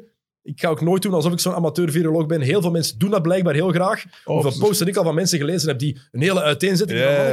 Sinds wanneer heb jij een diploma geneeskunde? Voilà, inderdaad. Sinds wanneer weer? Een studie van zoveel Echt? jaar. Ik, Ongelooflijk. ik, bedoel, ik, bedoel, ik, heb, ik heb er ergens ook wel een mening over, maar ik zeg er ook altijd duidelijk bij, maar ik ken er eigenlijk geen hol van. Niks. Zwat, ehm, nu, Ja. eh, er is een optie om... Er wordt ge- gepraat om, over gepraat om de NBA 7 tot 14 dagen te pauzeren, stil te leggen. Gaat dat het verschil maken? Eh, waarschijnlijk niet. En ook, ja, ook economisch gezien doe je, breng je zelf veel schade toe voor weinig, eh, voor weinig eh, baat, zogezegd. Dus dat, het enige dat je... Ja, het enige dat, dat, dat u kan redden, is zo snel mogelijk een vaccin. Maar ja, ook daar dan... Het is heel raar. Ik vind het heel raar. En ik... Ja... Ja, ik, vind heel, ik kan er niet veel op zeggen. Ik vind het heel raar dat er überhaupt nog sport bedreven wordt in een tijd waarin dat gans de wereld plat ligt eigenlijk. En tegelijk, van ja, ik begrijp het. Hè. Ik begrijp het. Dat is ten eerste die mensen hun job, daar gaat veel geld in Ik ben om. ook heel blij dat ze doen, anders had ik Ook voor de mensen die thuis zitten. Ja, voilà, inderdaad. Damn. inderdaad. Dus, maar het is zo hallucinant eigenlijk. Ja. Het is hallucinant. Ik, Oké, de- ehm, om die financiële problemen, want ze gaan natuurlijk klappen krijgen, om dat op te vangen, is de NBA aan het praten over expansie. Twee ja. nieuwe clubs, daar zou over gepraat worden. Adam Silver heeft dat letterlijk toegegeven. Mark Cuban, de eigenaar van de Dallas Mavericks, is daar niet helemaal Mm. voor. Heeft letterlijk gezegd van, kijk, op korte termijn gaat ons dat geld opleveren. Maar op de lange termijn gaan alle inkomsten gedeeld door 32 moeten worden. En niet meer door 30. Dus dan gaan alle clubs net geld verliezen. En dan is het eigenlijk een beetje een... Gewoon even een lening eigenlijk. Want Ja. voor de rest hebben we daar niks aan. Ja, natuurlijk. Ik, ik, ben, ik ben zelf niet... eh, ik ben geen econoom. dus ik weet ook niet... En ik denk zeker niet gelijk iemand met, met de mindset van een Mark Cuban bijvoorbeeld. Maar langs de andere kant pijs ik nu wel ook van... Ja, je hebt natuurlijk ook wel merchandising. Je hebt tickets. Je hebt... Wat is het nog allemaal? Ik weet niet in hoeverre dat, dat zoveel verschil zou maken. Twee- Je hebt, je hebt ook meer wedstrijden, dus meer uitzendrechten. En wat is het Twee ploegen erbij, is het nodig? Puur sportief gezien vraag ik me af. Want Nee, dat niet. Dat zeker niet. Ah, er, er is veel talent genoeg, hè? Ja, er is talent wel. genoeg, maar er, is- er is ook veel Het zijn ook shitty teams, hè? Ja, maar ja, daar moeten we ook niet onnozel over doen. Dat is ook Nee, dat het is een feit. Dat is een feit. Als, los daarvan, het leuke dan. Als er een expansion komt, waar wil jij twee teams zien? Ja, sowieso Seattle. Dat is natuurlijk iedereen zijn favoriet, omwille van wat er toen allemaal gebeurd is en zo. En ook omwille van de geschiedenis van die ploeg. En omdat die gewoon cool waren, de Sonics. Ja, maar ik, ik had dat hier juist voor de aflevering was er hier even van alles gegaan, maar ik dacht ik wou er maar buiten, want anders heb ik zoiets niks meer om over te klappen. En Gelle waren bezig over hoe cool dat die shirts waren, maar ik vind dat een vreselijke shirts. Zowel de... Het, de hangt, het hangt achter je. ja, ik weet het. Zowel de... de Hoe cool is dat shirt? Come maar, on, dat man. is, maar dat groen is nooit een goed. Ik heb vroeger, toen ik basket speelde, toen dat ik nog een iets kleiner eh manneke was, eh, speelden wij in groen en wit. En dat, is, dat zijn geen basketkleuren. Dat zijn mijn moeite voetbalkleuren. Geen basketkleuren. Ja, de Celtics, oké. Boston's maar- fucking Celtics. Ja, maar dat gast. zijn, lelijke, dat zijn lelijke shirts. Dat zijn helemaal... Oh. Ja, Kijk, jawel. Jo- Jonas zit hier ook, die, die doet onze Vuur. opname. ook een, basket, een basketter, gelukkig, die lacht ook heel hard. want- Zou, zouden we nog een Lelijk. opnemen? Ja, ik vind dat Lelijk. Groen is een lelijke sportkleur. Maar nee, Ja, jawel, het spijt. Dat is gelijk paars. Paars, dat marcheert ook niet. Oh, een Anderlecht, ja, dat zal wel. Maar dat, is, dat, zijn, geen, dat zijn geen sportkleuren. waarom is groen geen sportkleur? Maar dat is, dat is, dat is de kleur van gras. Ja, op- Wel, maar, dat is, maar dat, is, dat is ook maar in... Ja, nu misschien al meer, maar in principe is dat in één ronde... maar dat de maakt het geen minder sportkleur, hè? Ja, maar de dat Sonics, die eh, shirts zijn toch iconisch? Ik vond, die, ik vond ze ten tijde van... eh, ik vond ze de, de begin jaren negentig zo de donker, nog donkerder dan dit. hè. Mhm. Met dan zo dat, dat bruinachtig rood ten tijde van Peyton en Kem dat er dan zo wat In de bij was. jaren, midden jaren 90 Ja, de finals gehaald. Dat vond ik al lelijk. Maar dit is veel mooier. Begin jaren 90, eind jaren 80. Maar geel eind jaren met 70. wit en oh, groen. Heerlijk. Heerlijke shirts. Walgelijk. Aan de schandpaal met die truitjes. Iedereen die het niet eens is Maar- met, iedereen die het niet eens is met Frederik in onze comments, mag je hem compleet afmaken. Oh, Wordt niet tuurlijk. te persoonlijk, maar maak hem wel af op zijn... Op zijn Come at me. Nee, dat vind ik, dat vind ik een verschrikkelijke truikers. Ehm, Allee, eh, maar wel een coole... cool- ik zeg het, eh, coole... Maar het zijn net die Detlef shirts- Schrempf. Detlef Schrempf alleen al was Het de zijn net max. die shirts die het cool maken voor mij ook. Dat hoort daarbij, bij heel, dat, Ja, heel dat gegeven. Ja. dat is- Key Arena vroeger, dat, Ja. dat groen... Ik vond dat fantastisch. ik vond dat verschrikkelijk. Oké, in welke kleur moet Seattle dan spelen? Ah, wel, maar dat vind ik dan ook het rare. Want dus die, de ploeg zelf, Mhm. en dus ik neem aan die dat ook de recht nemen op al die, eh, op die shirts van vroeger en West allemaal, die zitten nu dus in eh, Oklahoma. Ja. Maar hoe zit dat dan met... Dat was Charlotte vroeger, hè? De Bobcats. Dus Ja, de dat Hornets was zijn ook zo. verhuisd naar New Orleans. Ja, Dan daarna zijn de Bobcats, zoveel jaar later, zijn die opgericht. ja. Die zijn aan de Hornets geworden. En de geschiedenis van de Hornets, ook al is dat eigenlijk de franchise die naar New Orleans is Ja. eh, verhuisd, die hoort wel bij Charlotte. Ja, Ook al is dat eigenlijk een andere club. ja, De Cleveland Browns in de, NBA, in eh, de NFL is hetzelfde. ja. Die zijn verhuisd naar Baltimore, denk ik. Als ik me niet vergis. Mm. En dan, de Browns zijn opnieuw opgericht. Mm. Maar toch hoort het verleden, ook al was het eigenlijk een andere franchise, hoort het Mm. wel bij de nieuwe club. Oké, Dus als, een nieuwe, als Seattle een nieuwe club krijgt, dan gaat het, Kunnen verleden, ze- gaat het verleden dus tot aan 2008 gaat dan bij deze club horen en niet bij OKC. Ja, Wat ook belachelijk is. Hè? ja tuurlijk. Hoe nozel ja. is het dat er in Oklahoma City een vlag hangt van de Seattle Supersonics? ja, dat is toch een idioot? Dat is belachelijk, dat is Dat is belachelijk. toch ongelooflijk idioot? Dus eh, Seattle mag gerust, mag van mij zeker terugkomen. Eh, al was het maar inderdaad omwille van de geschiedenis. En dan de andere zal toch Minneapolis moeten zijn, neem ik aan. De, de Er Minneapolis. is er een, Minnesota Timberwolves. Ik weet het, ik weet het. Maar ja, dat is ook zo... Het, het, is, het is doorheen de, de geschiedenis is altijd zo belachelijk geweest dat, dat je eh, jazz in Utah, waar dat amper muziek is, neem ik aan. Eh, en, en de Lakers in, in LA en wat is het allemaal. Eh, maar qua extra assen en extra... Want we spreken van twee, hè? Ja. Vraag me af wie dat dan die laatste... Er wordt gesproken over Las Vegas, omdat eh, met Ja. die Summer League en wat is allemaal. Ik heb, een voor, ik heb een andere ploeg waar die ik liever wil. Vegas is inderdaad Ja. de sprake. Dus Louisville kan erbij komen bijvoorbeeld. St. Louis kan erbij kunnen komen. Ja, maar ik- inderdaad. Ik wil Vancouver. Ah ja, ja. wil een tweede dat, kan ook wel, dat kan ook wel tof zijn. Maar ja, je ziet dan nu... Oké, dit is heel uitzonderlijk. Maar je ziet dan nu wat er gebeurt met Toronto. Allee, Tampa Bay nu. Dat je, als er zoiets gebeurt, ja, dan sta je daar wel met, je, met al je Het is vliegtickets. wel hopelijk een uitzonderlijke situatie. Ah, wel ja, uiteraard, uiteraard. Of- Vancouver was wel... Maar dat was ook al, alles bij, maar dat was ook maar een shit franchise. Oh nee. Als ze dat doen, dan haak ik af. Dan stop ik echt. Dan stop ik echt. Allee, dat is toch al... Ik bedoel, van, van, eh, van Toronto en zo. En stel nu dat je inderdaad... Stel nu dat je eh, in Mexico er een ploeg belt, dan kunnen we nog Mexico zeggen... City, ook top idee. Ah, wel. Hey, Daar heb je veel eh, potentieel nieuwe dingen en zo. Dat zou ik begrijpen. hè. Is we dan over die muur klimmen van Donald Trump? Of is dat dan daaronder? Ah, die- nog, nog zo'n lul. De Kyrie Irving van het bredere maatschappelijke... Nee, maar... maar maar eh, dus dat zou ik meer begrijpen. Dat is hetzelfde continent. Maar als er een fucking oceaan tussen zit, dat zou toch walgelijk zijn? Hoe verschrikkelijk lelijk zou dat zijn? De London, weet ik, de London Bobbies of weet ik veel wat. Of de, de, de London eh, Cabs of wat is dat. Ja, dat trekt toch op. Dat is, dat is, dat is, dat is toch lelijk? En is dat logo is dat zo'n flik? Is dat zo'n fake, zo'n Voilà. fake pak? Voilà, inderdaad. Dat, is- dat zou toch belachelijk zijn? Ja. Wordt daar serieus over gesproken? Niet meer. dan- Daar is Ah, ja. over gesproken. Ehm, Ah, allee. David Stern die wou dat heel graag. Oké, eh. Frederik, we gaan zo meteen moeten afronden, want we zijn al Hoe nu al? bezig, We, nog, maar- we hebben een Detroit nog niet gehad. We hebben, eh, Ik weet het, ik heb hier nog Atlanta Hawks, de ruzie Voilà. tussen Trey Young en John Collins in de kleedkamer. Ja, zeg maar dat, want we, we hebben- John Collins was uiteindelijk hebben we tijd genoeg. John Collins is kwaad geworden in de kleedkamer op Trae Young, omdat hij eh, niet meer het niet eens is met de manier van spelen van Trae Young, Mm. waarop hij de aanval gebruikt. Ehm, en dat is ook wel ergens te begrijpen. Trae Young, geweldig aanvallend talent, ik zou er nooit mee willen samenspelen. Een soort, Jamais. een soort James Harden. Voilà-letter. eh Aprella-letter eigenlijk. Hij wil heel graag Stephen Curry zijn, zonder dat hij Stephen Curry is. En dan heb ik het over de manier hoe Curry ook voor zijn ploegmaat speelt. Ja, Ehm, ja voilà, is dat, dat is het niet. hè. en Trae Young, en ook vooral Trae Young, je hebt... James Harden doet zijn best niet in defense. Mm. James Harden is een hele harde werker in defense in vergelijking met Trae Young. Dat is gewoon- maar dat is gewoon belachelijk. Dat, dat is, dat is gewoon de waarheid. Ja. Offensief is hij fantastisch. Hè? Die ja. de shooting die Trae Young heeft. Ja. Waar hij zijn shot kan creëren. Maar je merkt ook in de resultaten de laatste weken.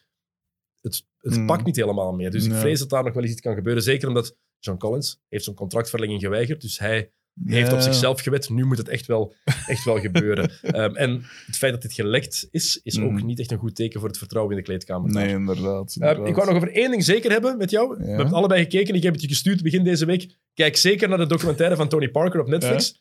Ik heb daar enorm van genoten. Ook al Ja? kwam hij wel over als een redelijk arrogante zak. Wel, is een Fransman natuurlijk. hè. en, en een.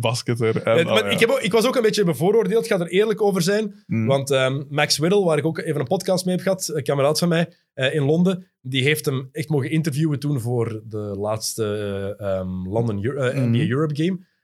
En dat ding ook doorgestuurd toen al. En blijkbaar was het... En ik heb het van meerdere mensen die hem geïnterviewd hebben al gehoord. dat het Echt? Echt een arrogante zak was. Echt? Lijkt een klootzak.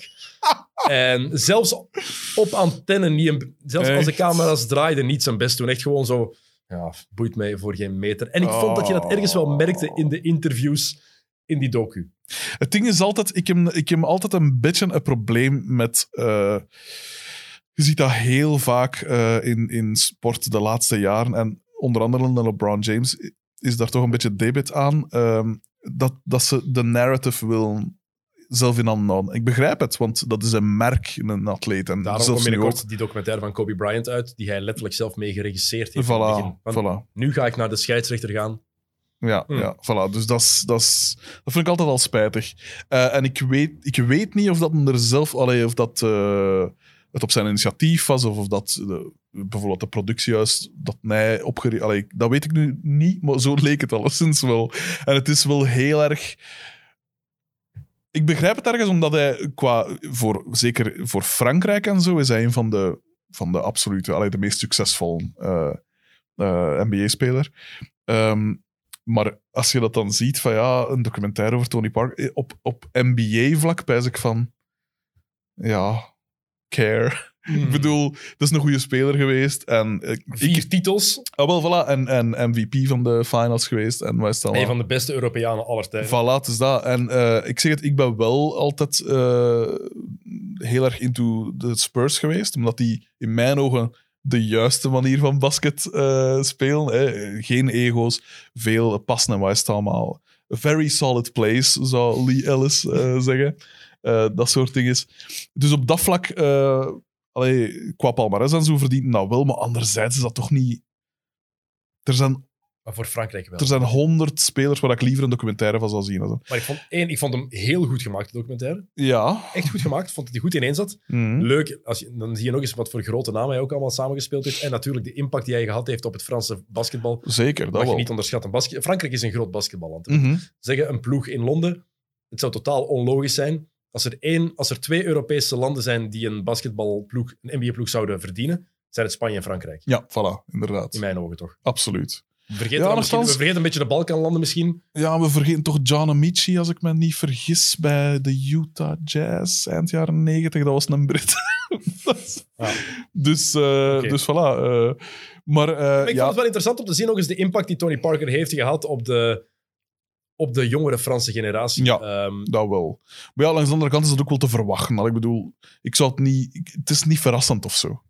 Eh, het zou spijtig zijn moest niet geen impact op de jonge Franse dingen. En het siert hem dat hij daar dan die ploeg koopt en dan die vrouwenploeg en wat is dat? wat dat Julian vind ik- Maller ploegen. Ah, wel, voilà. Dus Ja. dat is, eh, dat is allemaal, allemaal eh, heel cool. Eh, maar het is altijd zo'n... Ik zie liever zo'n een, een 30 for 30 of een, een, een, een doc- documentaire dat uitgaat van de zender. Oké. En dit is iets te veel. En, dat, en ook zo lang. Was dat niet... Anderhalf uur, heerlijk. Voorbij gevlogen. Oh, nee. Leek, leek alsof het vijf minuten duurde. Ja? Absoluut. Bij mij niet. Oké, goed. Nee, maar eh, wel, al- het is altijd interessant om eens eh, kijk achter de schermen te zien en wat is het allemaal. Maar dan ook dat, dat gelul met die, dat feestje daar op het einde, dacht ik van ja, dat interesseert. Ik weet dat je rijk zit. Je moet niet in mijn gezicht komen, komen duwen. Want die glijbaan en zo, hè, dat, je met dat, Ja, dat dat, is- dat fake rots weg en zo. Wat een waanzin. Wie, wie, ik zat echt te denken, wie maakt dat? Ah, Tony Parker, man? Nee, nee, maar ik bedoel, wie, wie, wie komt dat leveren? Wie, nog wie beelden? Dat zeg ik zo hier graag. En, en dan moet er zo wat uitzien, gelijk rotsen. Wie, wie, zijn, wie zijn carrière is dat? Welk traject moet je... Dus ik neem aan, iets van kunstschool of zo. Dat je, of, Ja, of, kunst. We zijn, we zijn of, rond. of TSO voor de, voor, de, voor de structuren te maken en zo. Maar dan daarna, wie, wie krijgt in zijn kop om te zeggen... Ah, kom maar, nu is begin... Maar dan nog? maar dan nog? Geen enkel architect kan toch zo'n fake rotsgebergte... Wie krijgt... Wie, daar wil ik een documentaire over zien. Over die mens. Voor de mensen die het zwembad van Tony Parker Ja, echt gestoord. Frederik, voor we eruit gaan, Ja. ehm, drie of vijf dingen die jou zijn opgevallen voorlopig. Drie of vijf? Ik weet niet. Ik, zeg, ik geef je de keuze. Ik geef je de keuze. Er zijn nog een paar dingen, je mag het kort bespreken. Je moet er niet diep op ingaan. Wat is jou opgevallen voorlopig in dit NBA-seizoen? En dan ronden we af. Eh, dat eh, Paul George is, is, niet, is niet zo populair, heb ik de indruk. Ehm, ik, snap niet, ik snap niet wat voor een mens dat, dat moest zijn als je zo... Pandemic P. dat je zo... Je wordt zo gedist eigenlijk door iedereen. Terecht. Dat is toch... Ik Want dat is een goede speler op zich. Ja.